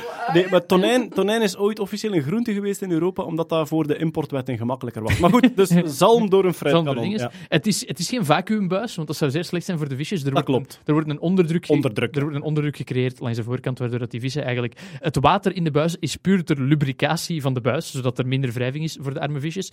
De manier waarop dat ze aan het uiteinde van de buis in het water gelanceerd worden, is ook onder een speciale hoek, zodat de genie op de vis voor u botst. Ah, gelijk, eh, gelijk dat wij allemaal voor hebben in de wildwaterbaan. Ja, inderdaad. Dus, dus het wordt er onder een bepaalde... En een hoek varieert een beetje per eh, ja, ejaculatie van vis. Dat, dat je niet allemaal op dezelfde vis botst. Er kunnen vissen in van 2 tot 34 pond. Dus omgerekend is dat 1 tot 15 kilo vis kan erin. Ze halen tot eh, 24 km per uur, de vissen. En het detecteren dat er een vis in de buis zit, kan door middel van een sensor op het uiteinde. Dus aan de hand van de drukte in de buis kunnen ze de druk op de buis ook regelen. Dus de drukte regelt de druk. Maar je moet die er wel manueel insteken, toch? Nee, Ja, niet allemaal. niet Er, zijn, allemaal. er zijn ook Oeh. systemen waarbij dat ze tegen de stroom zwemmen en ze maken een soort trechtersysteem dat door die instinctief tegen de stroom te zwemmen, ze automatisch in de buis uitkomen. Zo'n groen lichtje en wachten en dan... Eh, ja, voilà. En dan, ook De altijd, fishtube. en dan ook altijd een Johnny Vis die halverwege de buis blokkeert. Ja, ook typisch. natuurlijk. Maar de beelden zijn fantastisch. Hè. Dus zoek het op. Whoosh met drie O's. Woes en met trio's. komt Maar als natuurlijk... je gewoon zoekt op fishtube, dan... eh, Ja, voilà. En dat, is, dat, is niet, eh, dat is niet YouTube voor vissen, hè? Fishtube. Pas op, hè. En het komt natuurlijk in de show notes op maandoverzicht.nerdland.be. Nog eh, dierennieuws. IS heeft deze maand, dus Islamitische Staat, heeft deze maand voor het eerst gebruik gemaakt van een zelfmoordkoe. Dus ja, eh, IS loopt op zijn einde, zoals we weten. En dus blijkbaar zijn er eh, te ja. weinig kandidaten. dat wordt dan weer opgevolgd door, weet ik veel, eh, duizend tulbanden der haat. Of alleen welke andere groep dat er dan op Eh, komt. ja, de volgende groep de volgende staat staat waarschijnlijk klaar, ja. Maar, dus ze hebben blijkbaar te weinig kandidaten voor zelfmoordopdrachten. Dus eh, er was een dorp, ik denk in Syrië, en die zagen tot hun grote consternatie twee koeien, zeer log en traag, naar het dorp wandelen met een bommengordel om. Maar- En iedereen heeft zich op wandeltempo uit de voeten gemaakt en dan zijn die koeien ontploft en er waren twee slachtoffers, namelijk twee koeien. Maar de, twee vragen erbij. Eén, krijgen die koeien dan ook in het hiernamaals eh, het? Twaalf. Va- varzen? Twaalf maagdelijke stieren krijgen ze. Stieren? Ah, ik weet het niet, ja, het zijn koeien, dus Ah, het ja. zullen stieren zijn dat ze krijgen. En twee, eigenlijk technisch gezien, zijn dat geen zelfmoordkoeien, hè? Ah nee, dat is waar, dat zijn eh, Ja. ja, moord, moord. Ja, dat zijn gewoon... Ja, Ja. Dat, is, dat is wel eh, heel kak. Dat klopt. Maar ja, bon, de- dus eh, de zelfmoordkoe. Dus dat moet heel moeilijk zijn om met hoeven op zo dat klein knoppetje te duwen. Super ambetant. We gaan zien welke Ze willen dat zo lang zoogdieren, duurt. eh, Die zitten gewoon te prullen met dat knopje van dat gaat even niet. Ik zie die kerel van Dovo er ook al op afstappen, zo. Hij mag nooit achter een koe lopen. Vooral dat je in, in heel het schuim van die milkshake achteraf toch nog eh, de bewijzen moet zoeken. Nog Maar- diertjes. Er is mogelijks, en ik zeg wel heel duidelijk mogelijks, er is mogelijks een kolonie van tardigrades Ja. op de maan. Dat De- heb ik opgezocht. Er De zijn tardigrade, geven we eventjes mee, het mosbeertje, is een, een dierke van, ik denk, het grootste dat het wordt is een millimeter. En het zit overal om ons heen in nat mos. Ik heb er ooit eentje gevonden op het mos van mijn tuinhuis. direct Iedereen- naar Peter gebeld. Peter, ik heb hier een, een beertje gevonden van zeker zes meter groot. Maar tardigrades zijn Ja. fantastische dieren. Ze wandelen zeer schattig. Zoek filmpjes op op YouTube, tardigrade of mosbeertje. En echt waar, je kunt ze overal vinden. Iedereen die een microscoop heeft, zelfs een speelgoedmicroscoop, en die een beetje geduld heeft, je gaat op verschillende plekken in je tuin mos halen. Online vind je een hele instructie hoe dat je dat mos even weekt in regenwater, het daarna een dag uithaalt en dan uitwringt. Je, je wringt het mos uit op een microscoopschaaltje en dan zoekt het daarin. En als je een beetje geduld hebt, dan vind je heel vaak daar een tardigrade in. Het heeft acht pootjes, het wandelt heel schattig, het mosbeertje. En de reden dat die nu mogelijk zijn uitgesmeerd over het maanoppervlak is omdat op 11 april, dat is al een tijdje geleden, maar het is nu was bekend geraakt dat die dingen aan boord waren, heeft Israël geprobeerd een maanlanding uit te voeren, onbemand, met een maanlander genaamd Ber ja, geschreven Bereshit. Bereshit. Ja, bereshit. Het betekent niet berenfeestjes, het, het betekent ook, het is iets Jiddisch. Ja, het is een, het is een Hebreeuws woord. met Oh, met- geluk. Of Ja. weet ik veel. Je leest het wel in een tweet van Rick Torres binnenkort. De reden dat die dingen aan boord waren, dat is wel interessant. Dat is een deel van een missie, genaamd de Arch Mission Foundation. Dat zijn mensen met veel geld, dat er ook gesponsord hebben, die, die maanlanding, als een van de vele sponsort. En die hebben een punt is van, we willen alle kennis die op aarde beschikbaar is, in de ruimte verspreiden. Nu, je kunt dat niet in digitale vorm in de ruimte zetten, want ja, die aliens die kunnen misschien geen eh, JPEG lezen, hè? je weet dat niet. Hè? Dus wat dat die dus gedaan hebben, is heel veel Wikipedia-artikels in een mini, mini, minuscule met een lasertje in een nikkelplaat geëtst. Wat? Dus het is een soort van optisch medium, zo'n ja, tien optische nikkelplaten. Maar geëtst in Romeins alfabetletters dan. Nee, nee, optisch. Dus gewoon stel je voor, je pakt een foto van een Wikipedia-pagina en je zet dat in het heel klein op een nikkelplaat. Damn. Dat is meegegaan. En ze dachten ook van, ja, we moeten wat intelligent leven meesturen ook. Die beestjes, we pakken er zo'n hoop vast. En zo'n hele kolonie, we plakken dat daarbij. En dat is dus, die nikkelplaten liggen waarschijnlijk ook ergens op het maanoppervlak. Gecrashed, ja. Ja, en die beestjes die zijn daar dus waarschijnlijk ook. Die beestjes kunnen enorm lang overleven. Het, enige probleem is, die hebben water nodig. En dat is waarschijnlijk het probleem dat ze op de maan gaan hebben. Eh, wel, maar de tardigrade of het mosbeertje wordt heel vaak gebruikt in biologisch onderzoek, omdat ze heel goed tegen heel vele omstandigheden kunnen. Als tardigrades uitdrogen, gaan ze in een soort winterslaap. Ze worden een soort hard bolletje. In die, in die uh, status zijn ze ook op de maan geland. Ah, dus voilà. waren tardigrades in, een, in de winterslaap. Als je ze jaren later terug bevochtigt, worden die terug wakker. Normaal worden die maar een paar maand oud, maar in die winterslaapstaat kunnen die jaren meegaan. Tot meer dan 100 jaar. Voilà, ze hebben nooit de test gedaan met heel oud mos, waar ze toch weer tot leven kwamen. Ze hebben die ooit zelfs in de ruimte geschoten en blootgesteld aan het vacuüm. Zelfs dat hebben die overleefd. Die overleven straling, al dat soort dingen. Het zijn waarschijnlijk... Die ja, kunnen de volledige trilogie van Lord of the Rings kijken en die hebben zoiets van, pff, doe me niks. Het zijn keiharde, stoere, Keiharde, stoere dingen. maar wel minuscuul Ja. kleine beertjes. Dus die zijn gecrashed en plotseling was er, ja, was er een soort vermoeden van, tja, als die tegen zoveel dingen kunnen en die liggen nu op de maan, dan zijn die daar misschien levensvatbaar. Ja. En liggen die daar nu levensvatbaar te zijn op de maan. Dus wat ligt er op de maan? Poep van astronauten, kleine beestjes. Ja. Het gaat snel. En ook grappig, die Arch Mission Foundation, die heeft ook met een, een zekere E. Musk een projectje hebben die, eh, meegestuurd in wie? het handschoenencompartiment van de Tesla die de ruimte is ingeschoten, zaten ook van die plaatjes waarop de Arch Mission Foundation wat Allee. optische informatie had opgeslagen. Weer heel klein. Eh, je zou de, de, de informatie, je zou die plaat tot duizend keer moeten vergroten om leesbare tekst te kunnen lezen. Maar ja, dan nog komt het op, uit op Romeins alfabet, waar dan een alien ook al redelijk wat... Zover hadden ze niet gedacht, maar er zijn ook foto's in en zo. Dus, maar ja, dan foto's is Ik ook... kan mij vergissen, want dat nieuws is van het begin van de maand, denk ik. Ik heb het ook gelezen, maar die tardigrades zouden de reden zijn dat die platen nu mogelijk nog heel zijn, omdat Ah. ze eigenlijk tussen die platen, die tardigrades gestoken, inderdaad, in een soort van siliconengel of zo, en mogelijk met die crash hebben die ze dus beschermd tegen breuk, dus het zou mogelijk. Ja, Niet het enige kapotte ding dat op het maanoppervlak ligt waarschijnlijk, want net vandaag is de Indische Ja. maanlander ook eh, contact verloren. Wel, de Indische maanlander, ze hebben het contact verloren terwijl hij aan het afdalen was. De Er zat ook een, eh, tien minuten, hè? er zat een rovertje in, dus er zat een Ah, ja. auto in dat er ging Het contact is verloren, maar er zijn net beelden binnengekomen van een Indische satelliet rond de maan. En die heeft het landingstoestel wel gevonden. En de vraag is nu, we hebben contact verloren, maar misschien hebben de autonome systemen wel gewoon stabiel geland. Dus het zou kunnen dat alles nog intact is, maar dat wordt nu verder onderzocht. Dat, eh, ja, dat zal de toekomst moeten Wie is het volgende? Want dat is precies een rage tegenwoordig om je terug iets op de maan te ploppen. Ja, Wat is het volgende land? Wel, dus Japan zeker, hè? India, Japan, China zijn er, Brazilië spreekt er ook van. Ah, ja. Het is een prestige-ding. Hè? Ruimtevaart en zeker ruimtevaart naar de maan is nu de nieuwe internationale prestige. Ja, We hebben het show-off. vaak over jongeren en wetenschap verbinden. Plopsaland, volgende land op de maan. We gaan naar de maan. Gewoon iets neerzetten. Ja, maar ze zijn ook snel terug natuurlijk. Hè. Ja, dat is waar, ja. Plus als je mee wilt, er is... Allee, Plaats genoeg.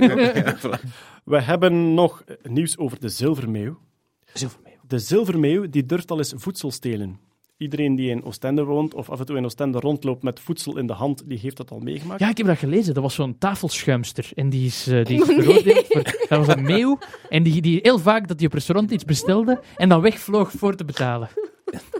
Een bekende tafelschuimster. Zo. Ehm, wat blijkt uit onderzoek van de Universiteit van Exeter? Je kunt de tijd die de meeuw nodig heeft om je voedsel te pieken, dus hoe lang ze wacht, hoe lang ze inschat van ga ik dat hier doen of niet, die kunt je gigantisch verlengen door de meeuw kwaad aan te staren. Meeuwen zijn zeer vatbaar voor een, voor een beschuldigende blik van de mens. En dus, wat is de techniek? Je zit je zit met je bakje vis, er is een meeuw die in de buurt komt van, ga ik dat pakken? Je moet gewoon echt die meeuw knal aanstaan en zeggen, wauw, wat jong meeuw. Wagen. Dat is hier wel mijn vis. En wat blijkt, de tijd waarin ze een poging onderneemt, verdriedubbelt. Ongeveer. Maar ja, van drie seconden naar negen seconden of zo. Ja, we hebben hier iemand die in, Gaat die in Oostende woont. concept. Ja, Maar die gaan dan gewoon met twee aanvallen. En die ene zit Ah, de hele tijd aan, aan het aanstaren en Ja, dan komt er voilà. iemand langs achter. ja oké. Dat is waarom dat ze nooit eten van Mark Reinebo kunnen stelen.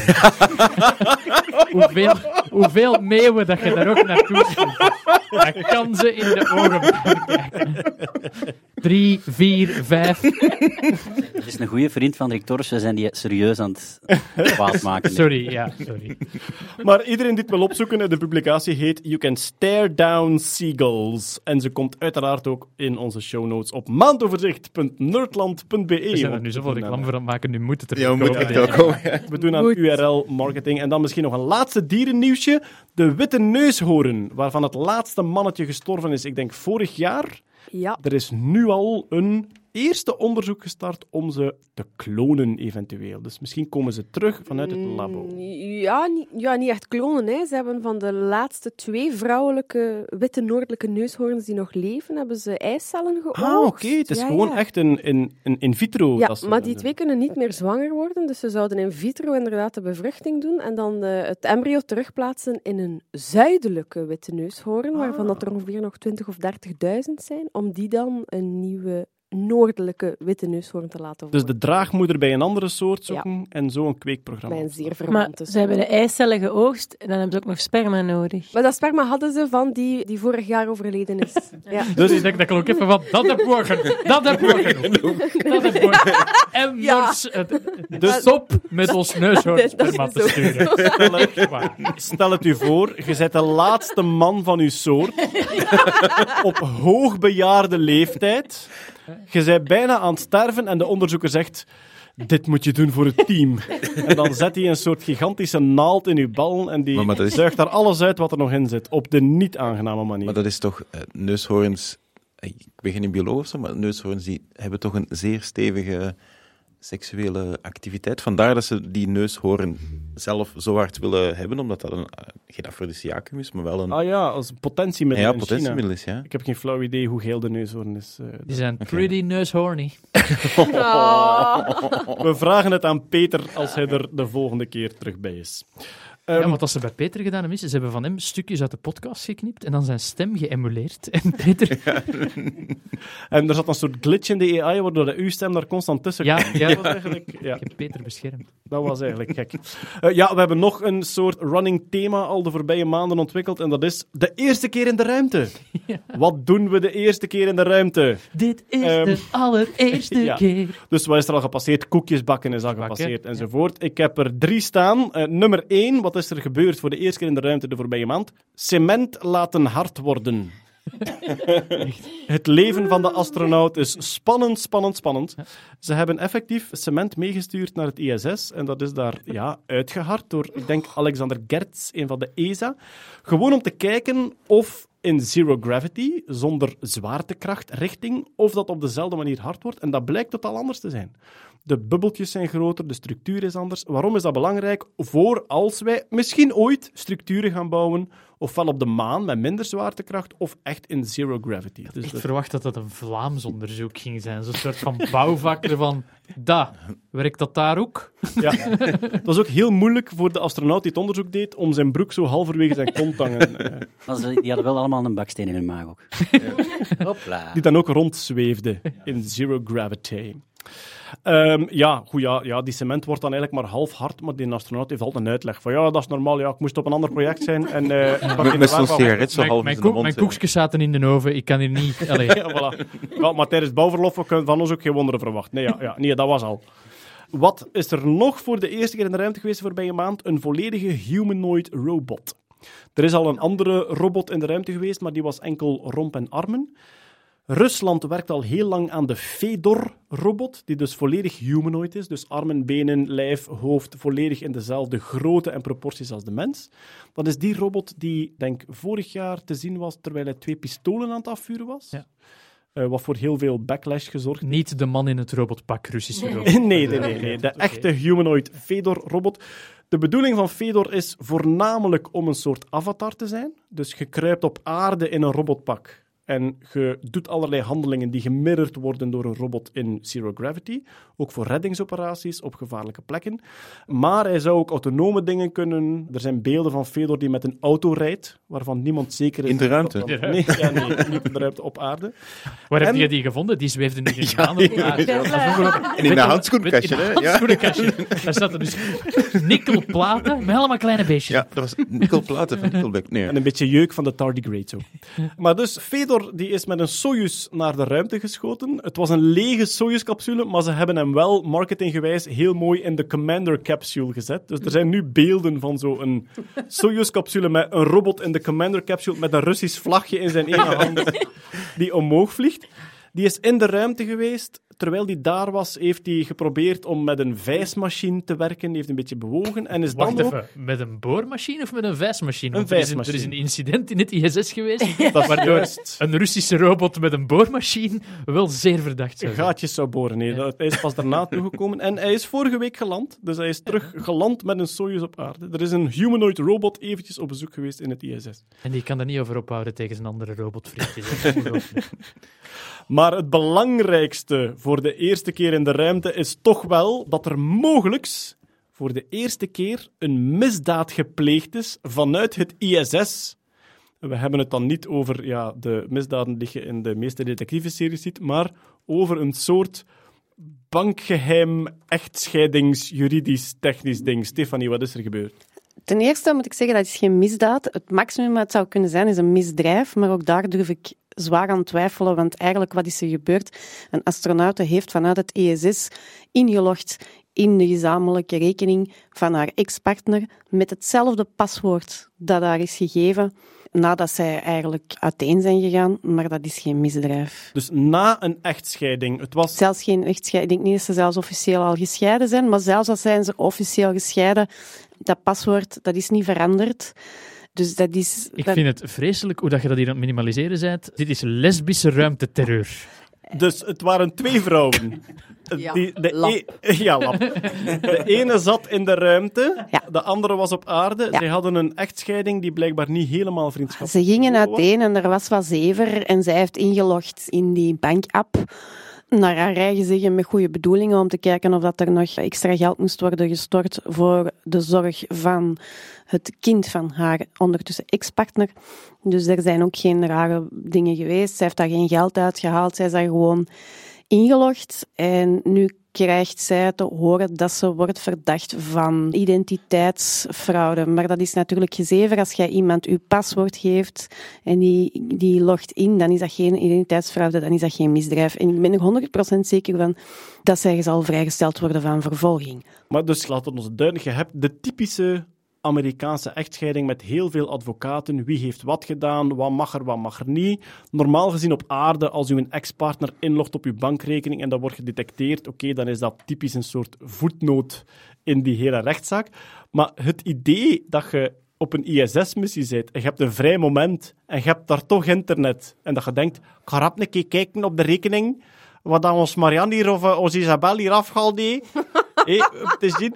En dat je daar dan ook zit en dat je er dan van... Fyodor, heb jij zo'n bakje van de KBC? Want ik... Ah, niet alleen maar van de ING. Oh ja, nee, ik heb zo'n bakje van de. Allee, dat idee dat je zoiets banaal als inloggen op de rekening van je ex-vrouw vanuit de ruimte doet, dat is toch hallucinant gewoon.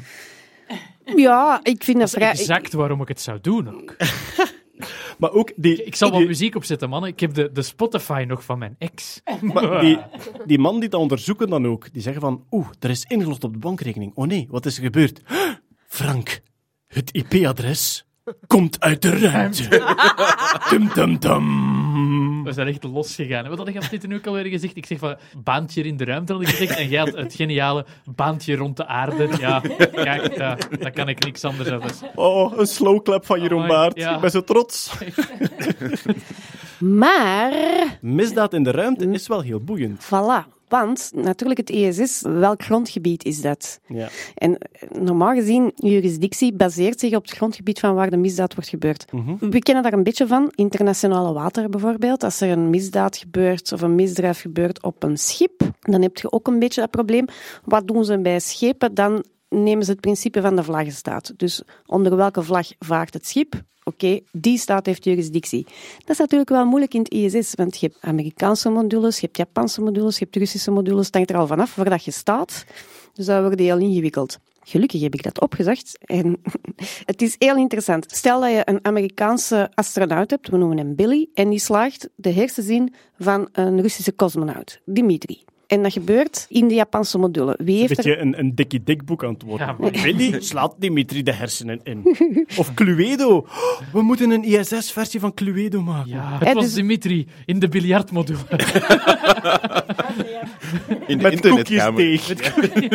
Dus je ziet in die Japanse module, dus eigenlijk volgens die vlaggenstaat zou eigenlijk Japan jurisdictie moeten hebben, maar dat is redelijk onnozel. Dus wat hebben ze voor gekozen? Ze gaan voor het principe van active nationality. Wat wil zeggen, de dader, diens nationaliteit, die staat heeft jurisdictie. Dus als de Billy, de Dimitri zijn hersens inslaat, dan heeft Amerika jurisdictie. Zelfs als dat in een Japanse module zou zijn, zelfs als hij in de Japanse module zou staan en Dimitri in de Europese module, want dan hebben we ook nog een, een Dat vervelend zijn, gedoe. grens, dat zijn grensconflicten eigenlijk. Hè? Voilà, daarom dat ze gaan voor active nationality principe. Diegene die heeft gedaan, oké, die mensen krijgen jurisdictie. Dus in dit geval de Verenigde Staten. Maar, stel dat om een of andere bizarre reden de Verenigde Staten zou zeggen, ja, we gaan die Billy niet vervolgen, dan kan men overgaan op het principe van passieve nationaliteit. Het Waarin? slachtoffer. Inderdaad, waarin dat in dit geval Rusland jurisdictie zou krijgen. Maar dan hebben we het probleem van uitlevering. Want de meeste, de meeste staten leveren niet uit, toch hun eigen landgenoten niet uit. Dus als jij als Amerikaan een misdaad pleegt, gaat Amerika nooit zeggen, ja, we sturen u naar Rusland, want je hebt een Rus in elkaar geslagen. Maar, en nu wordt het nog ingewikkelder, waar landen die astronauten? In Kazachstan, In Kazachstan. En waar ligt Kazachstan? vlakbij Rusland. hè. Vlak bij Rusland. En daar staat die politiecombi klaar. hè. Ah, wel. Kazachstan heeft wel degelijk een uitleveringsverdrag met Rusland. Dus eigenlijk zouden die in principe zouden die de Billy kunnen uitleveren naar Rusland. Maar dat zal Kazachstan allicht niet doen, want dat is vrij onverstandig. Maar stel dat die Russen staan te wachten op die Soyuz, die duwen die Kazakken opzij, die halen de Billy gedesoriënteerd als hij is, uit die Soyuz, ze steken die in een Lada en ze rijden daarmee weg Billy naar braakt heel Rusland. die Lada vol ook. Ze zijn in Rusland en dan hebben we een probleem. Zeg maar, je zit een film in. Ja, absoluut. Omdat ik denk, als je als Amerikaan een moord pleegt op een andere nationaliteit in het ISS en je weet, ik ga landen in Rusland, dat je gewoon daar blijft, tot als de Amerikanen hun eigen systeem hebben over, ja, wat zal dat zijn? Drie jaar, twee jaar, zoiets. Daar zit toch een film in dat iemand gewoon in het ISS wil blijven, omdat hij weet, als ik in Kazachstan land, dan pakken ze mij, Ja, de boeven. Ofwel een Soyuz proberen laten afdrijven naar een Amerikaanse landingsplek. Dat is, mijn, dat is mijn plan ook. Om samen met mijn ergste vijand tien jaar astronautentraining te doorlopen. Echt de long game. Ik, ik denk dat ik weet dat de film eindigt. Ze proberen de Soyuz te doen landen in Zwitserland. Het is Ah. neutraal. maar zelfs als dat plan zou werken, lieve, en de Billy landt in Zwitserland, hebben we nog altijd, we zijn nog altijd een land vergeten, want waar is de moord gepleegd? Ah, in die Japanse In module. de Japanse module. En stel dat er stukjes hersenweefsel van de Dimitri in die Japanse module tussen die knopjes en die hendeltjes zijn.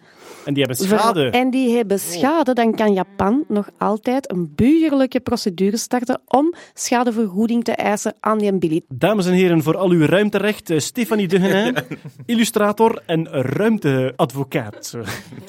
maar het is inderdaad, allee, je kunt zeggen, de bridge is moeilijk, want er ligt een lijk op de grens van twee landen. Als er in TSS ooit iets zou gebeuren, dan is het eh, een gigantische... Dan is het feest bij mij thuis. Dat kan dan een tijd duren ook, maar ze hebben koekjes dus. Allee. Ja, koekjes en cement. Ah ja, je kunt... Cement om dat lijk in te... Ja. Ja, je kunt, iemand, je kunt iemand met cement aan zijn voeten gewoon naar beneden drukken. Zeg, Maar je die- je kabel nog, dat die, hangt. die, die robot dat we hebben teruggekregen van de ruimte. Dat is geen robot. Oh, als een vluchtende dader. Maar, dat wil ik er nu wel bij zeggen, ik heb sowieso echt het beeld van astronauten als een soort fysieke en mentale supermensen. Het feit dat je de bankrekening van je ex gaat checken vanuit het TSS, doet daar een beetje afbreuk aan.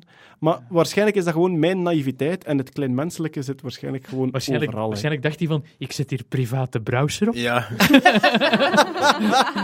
en niemand zal het ooit weten. It's the perfect crime. Dat zou ook via een proxy kunnen werken. Ja. natuurlijk. Ja. zeg, wat is dat nu? Oké, we hebben een paar recalls. De grootste en allerbelangrijkste. Ja, en ik roep, ik roep nu al shame, shame, shame on me. We hebben mortuarium gezegd in plaats van moratorium. Ja. Oh nee. Ja. Alle Germanisten boos op ons. En ik zeg Germanisten, maar ik bedoel eigenlijk iedereen die een beetje kennis heeft van zijn eigen taal. En terecht. Dus we zeiden toen, ja, het moratorium, eh, eh, dat gezegd van we gaan iets een bepaalde tijd niet meer doen. Mhm. En het mortuarium, waar de dode mensen bewaard worden, we hebben ze door elkaar gehaald. Dus vanaf een- Dat nu was een lapsus. We wisten het natuurlijk wel. Maar, verstrooid en ja, we hebben onvoorzichtig. elke 47 tweets en 39 mails gekregen. Ja, Het was een lapsus. Pas maar op met die Latijnse woorden. Dit is Ja, ja, ja. Het is, het is exact dat dat probleem ontstaan is.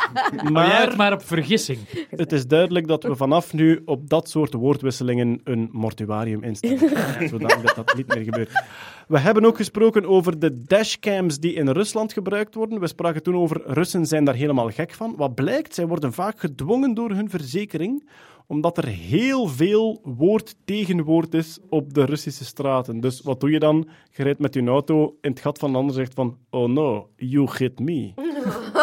Oh you hit me. Oh, it's a pity, your car is so broken. kwam van Chris Nobles in de mailbox. Ja, en en voilà. de moratorium, daar heeft iedereen gemaild. Sorry. Het is goed. Het is goed. Dat is oké, Hetty. En dan hadden we het over oriëntatieloop, hè, iets dat eh, moeilijk uitzendbaar is op tv. Wat blijkt in Scandinavië en de Baltische Staten, dus Noorwegen, Zweden, Denemarken, Estland, Letland, Litouwen, daar wordt dat effectief uitgezonden. Meer zelfs, vorige week is het Nokian Tires World Orienteering Championship uitgezonden in al die landen van Scandinavië en de Baltische Staten. Anderhalf miljoen kijkers. Maar dat zijn ook die landen, die dat zo haardvuur en, en wol en zo, slow TV ja. Ik heb gewoon even gekeken naar de, de volledige YouTube-uitzending van dat kampioenschap. Kan je nog bekijken, duurt vijf uren. En dus wat je ziet is af en toe zie je boeiende stukken met een overzicht van een kaart met dan de route van de verschillende lopers, omdat die ook keuzes maken. Hè. Ene neemt een omweg om een stuk verharde weg te hebben. De commentator zei, typical for the Swiss. dat is zijn commentaar. En de anderen nemen dan meer kortere routes doorheen het bos. En je krijgt dus ook beelden van de lopers. En ja, het spijt mij vreselijk, maar het ziet er sullig uit van ik zal u gaan hebben. Je ziet eigenlijk een jogger die naar een kaart kijkt met een kompas in zijn hand en af en toe links en rechts kijkt en eigenlijk heel verward voorovergebogen de weg aan het zoeken is. En het geeft niet echt het beeld van de Griekse Olympiër die de rest van zijn dagen een Het helder is zo dat we Ruben van Gucht op ideeën brengen. Ja, voilà. Maar dus oriëntatieloop wordt wel effectief uitgezonden en valt dus te bekijken als je dat zou willen. Voilà, dat waren onze recalls. Ik heb nog twee onderwerpen staan en dat zijn deze. Er is een Breakthrough Prize uitgereikt en de Breakthrough Prize is een prijs voor belangrijke fysica-ontdekkingen, technologieontdekkingen, die onder andere door Yuri Milner, is het denk ik, ingesteld is. Een rijke ondernemer, eh, Russisch-Joodse rijke ondernemer, die een geldprijs uitreikt voor grote wetenschappelijke ontdekkingen. En ook die prijs wordt ook gesponsord door Sergey Brin en andere Silicon Valley miljonairs. De Breakthrough Prize is uitgereikt aan drie pioniers van de supergraviteit. Supergravity. Ja, En Bart, supergravity is al oud, ik denk jaren 70. jaren 70, ja. Het was een poging om het standaardmodel, dus de deeltjes, hè, dus waarin zowel de quarks en de elektronen en de fotonen als Ja. de basiskrachten, elektromagnetische kracht via fotonen, de, de zwakke kernkracht enzovoort, allemaal via deeltjes eh, ja, in een soort Lego-doos van de fysica gevat zijn.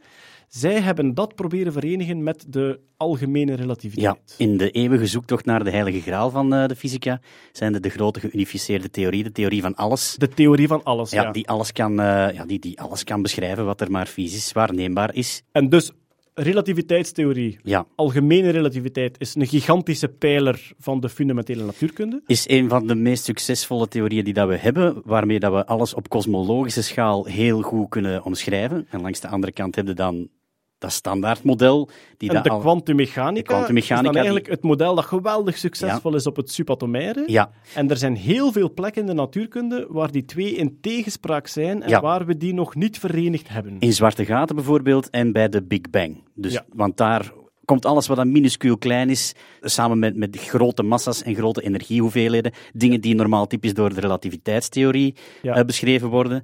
En als je die twee probeert te verenigen op een naïeve manier, dan, uh, dan loopt dat mis. Dan krijg je een theorie met een hoop oneindigheden. Tegenspraken en dingen die gewoon niet uitkomen. Ja, ja, ja. Het is zo het standaardmodel dat al die deeltjes beschrijft, dat zijn eigenlijk kwantumvelden.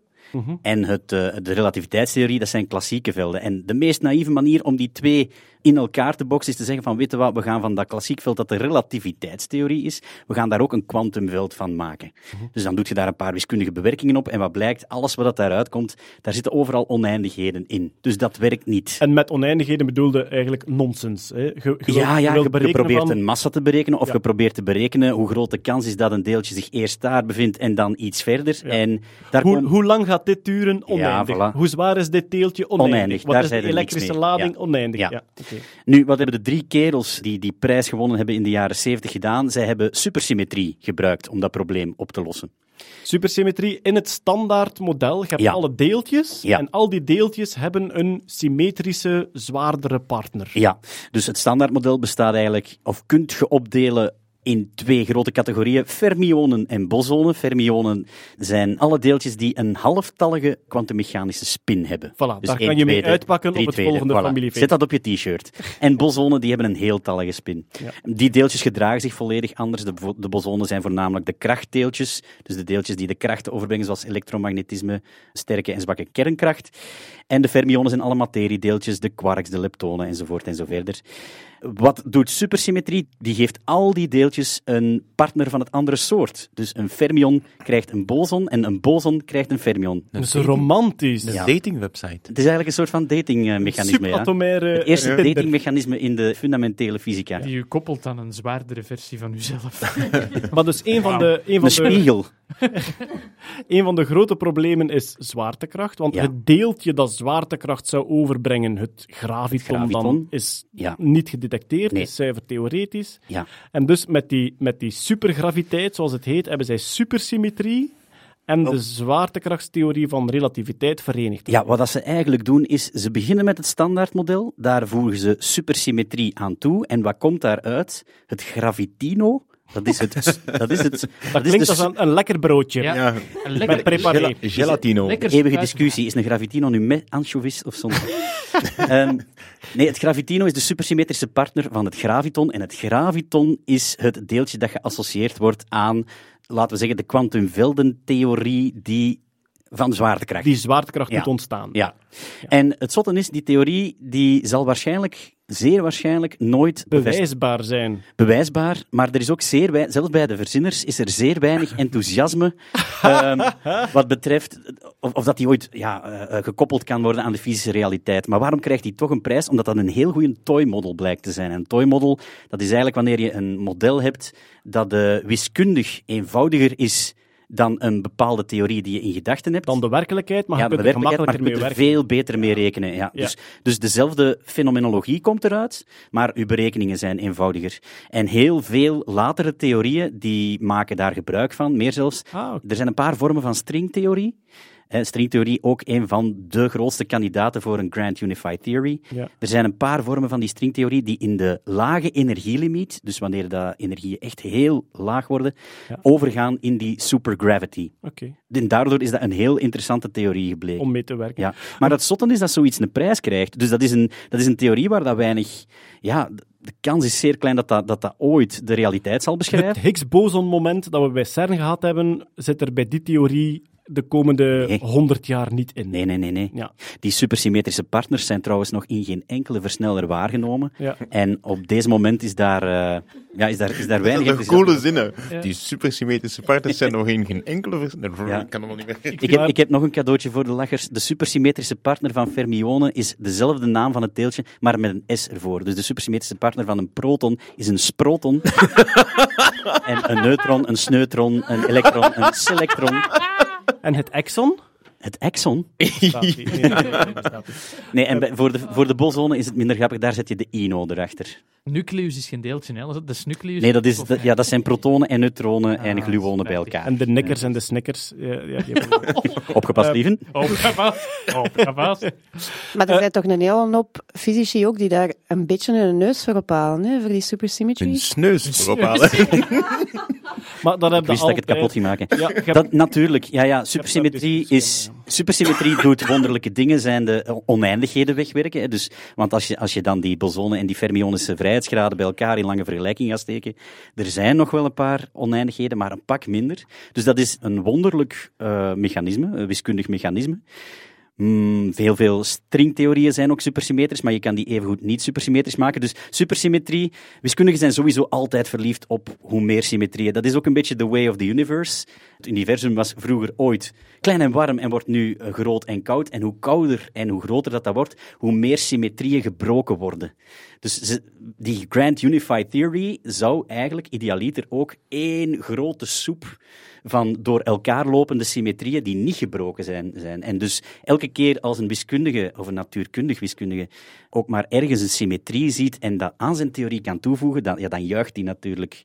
Wat ik prachtig vond in de verslaggeving van deze prijs, was dat die drie, eh, ja, die drie ontdekkers zijn nu bejaard tot hoogbejaard. Die zijn in, de jaren, in hun 70er en 80er jaren. En er stond in het artikel een beschrijving van wat ze aan het doen waren toen ze te horen kregen dat ze de prijs kregen. En dat zo, de ene was zijn groenten aan het water geven. De andere was eh, rekeningen eh, aan het betalen. Hè? Ja, was zijn facturen aan het betalen en zo. Heel banale dingen. En dan zo in tranen uitbarsten, omdat je een zeer belangrijke prijs krijgt. En er was ook Mijn snuit rond, Linda. Ze hebben mijn rond. Die was ook, die was ook heel kwaad. Die zei, zeg, ik ben hier wel eens facturen aan het betalen. hè." Maar een van die drie zei ook: de dingen die wij voorspeld hebben en de dingen die nu gebeuren in dat soort onderzoek, om die te experimenteel te verifiëren, hebben wij deeltjesversnellers nodig van ja, een grote orde groter dan wat we nu hebben in CERN. En dus hij zei.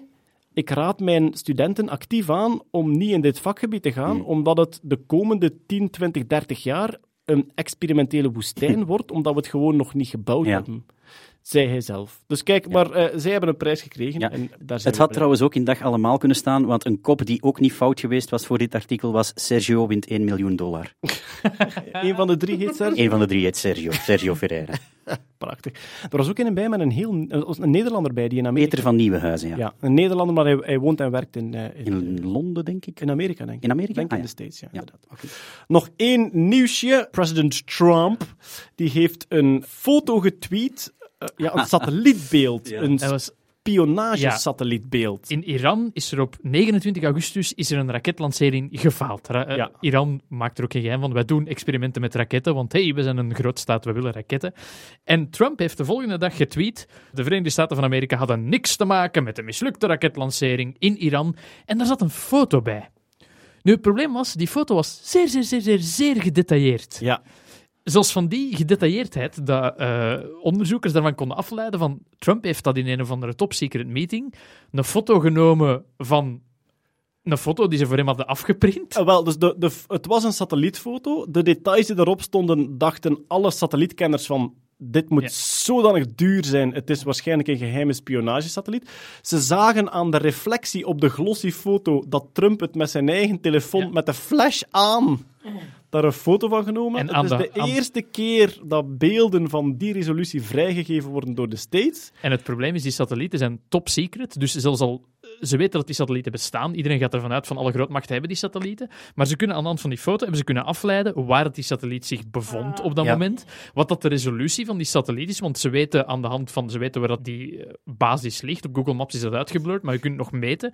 Komen ze erop uit dat die satelliet een resolutie heeft van 10 centimeter per pixel.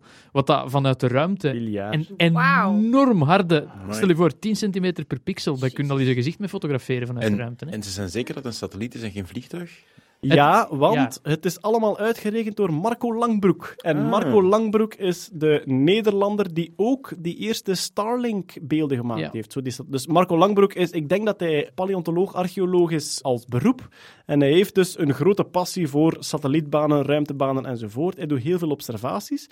En het is voor hem blijkbaar een heerlijke sudoku om al die geheime satellietbanen toch te proberen achterhalen door reflecties. En de reden dat je de, bijvoorbeeld de locatie kunt af, afleiden, dat vond ik wel gemakkelijk om te visualiseren. Als je een cirkel, als je daar van bovenop kijkt, is dat een cirkel. Maar als je je lager gaat zetten, wordt dat een ellips voor In een bepaalde hoek. En op die foto was, die, was dat ook een ellips, uh, een ovaal, die, uh, die cirkel. En uit die hoek kun je afleiden van oké, okay, dat is zo ver verwijderd van de cirkel te zijn. Dus ik weet dat die satelliet daar op die hoek opkeek. En het is eigenlijk een beetje het equivalent van Trump die dat stuurt van mijn buurvrouw heeft gisteren haar panties gescheurd in de badkamer en wij hadden daar niks mee te maken. Super gedetailleerde foto van die gescheurde panty bij die vrouw. Ja, voilà. Maar dus, Alia, ik vond het, het spelletje om uit zo één foto de baan en de identiteit van de satelliet af te leiden, vond ik eigenlijk fantastisch gedaan. Dat doet me er trouwens aan denken hoe de GPS die wij gebruiken in de auto, hoe die uitgevonden is. Dat was met de lancering van de Sputnik die eerste satelliet van de Russen. Dus de Russen hebben een satelliet gelanceerd, de Sputnik, en die stuurde een soort biepsignaaltje uit. En dat kwam om de zoveel tijd binnen, om te tonen aan heel de wereld van kijk, dat signaaltje, je kunt dat meten in de ruimte, het bewijs dat wij onze satelliet gelanceerd hebben. Er waren toen twee Amerikaanse studenten en die zijn daarmee beginnen spelen, omdat er zat een bepaalde vertraging, er zat een soort Doppler-effect op. Uh, wat Doppler-effect zal het niet zijn, maar er zat een soort vertraging van hoe ver is die van ons, wanneer komt het binnen. En die hebben door bepaalde berekeningen, hebben die de exacte baan van de Sputnik als eerste kunnen uitrekenen, als eerste Amerikanen kunnen uitrekenen. En die zijn redelijk trots naar een professor gegaan en gezegd van kijk hier, we hebben berekeningen gedaan en wij kennen nu de baan van de Sputnik. Dat was op dat moment een spielerij. Maar die professor die had onmiddellijk het idee als je van op een bepaalde positie op aarde de baan van een satelliet kunt uitrekenen, dan kun je ook vanuit een gekende positie van een satelliet je positie op de aarde uitrekenen. En die heeft daarna, toen nog theoretisch, heeft hij onmiddellijk het model van GPS-coördinaten uitgeschreven. En dat is dat model dat, dat wij nu gebruiken in de auto door de eerste satelliet ooit van de Russen. Het Witte Huis had hier nog op gereageerd, want de reactie was van mag Trump dat zomaar top secret informatie publiek maken? En het Witte Huis heeft heel kort gereageerd. De president is de ultieme declassifier. Als hij het zegt, is het geen top secret meer. En hij Dankjewel, dan... spindokter. Ja, maar ik moet zeggen, ultieme declassifier is een goede titel voor Trump. Uh, ja. Oké, daarmee hebben we alles gehad, dus gaan we hier afsluiten. Voor het afsluiten nog snel even een mededeling vanuit de montage, want op 24 november speel ik een speciale editie van mijn theatervoorstelling over DNA en genetica, namelijk de lange editie, de extended version, de director's cut. Ik heb doorheen het maken van de voorstelling veel moeten schrappen en achterwege laten, omdat die voorstelling te lang werd. Um, sommige dingen daar vind, vind, ik zelf geweldig boeiend en wil ik graag ook nog eens vertellen. En dat gaat dan over hoe je van DNA naar amino aminozuren gaat, van aminozuren naar eiwitten, hoe eiwitten zich vouwen, een paar andere dingen. Dus kijk, mijn voorstelling nu in de theaters duurt twee uren. En ik heb iets meer dan drie uur materiaal om te vertellen. En ik heb altijd gezegd, ik wil één keer de lange versie spelen. Voor de mensen die het echt allemaal willen weten, de Director's Cut. En daar hebben we nu dus een datum voor. 24 november in het eh, NTG in Gent vanaf 7 uur. Zeer binnenkort zijn de tickets daarvoor beschikbaar via mijn website lievenscheire.be of op mijn Facebookpagina. Wie weet, tot dan. Ik dank iedereen hier op de tafel, namelijk Hetty Helsboortel. Met veel plezier. Eh, Bart van Peer. Sorry, Rick Torfs. Jeroen Baar. Geen sorry, Rick Torfs. Uh, Stefanie Duggene. Hi. Marian Verhuil. Groetjes. Kurt Behey. Jee. En achter de knoppen zat alweer Els Aert. Hey. Tot de volgende keer, iedereen. Dag.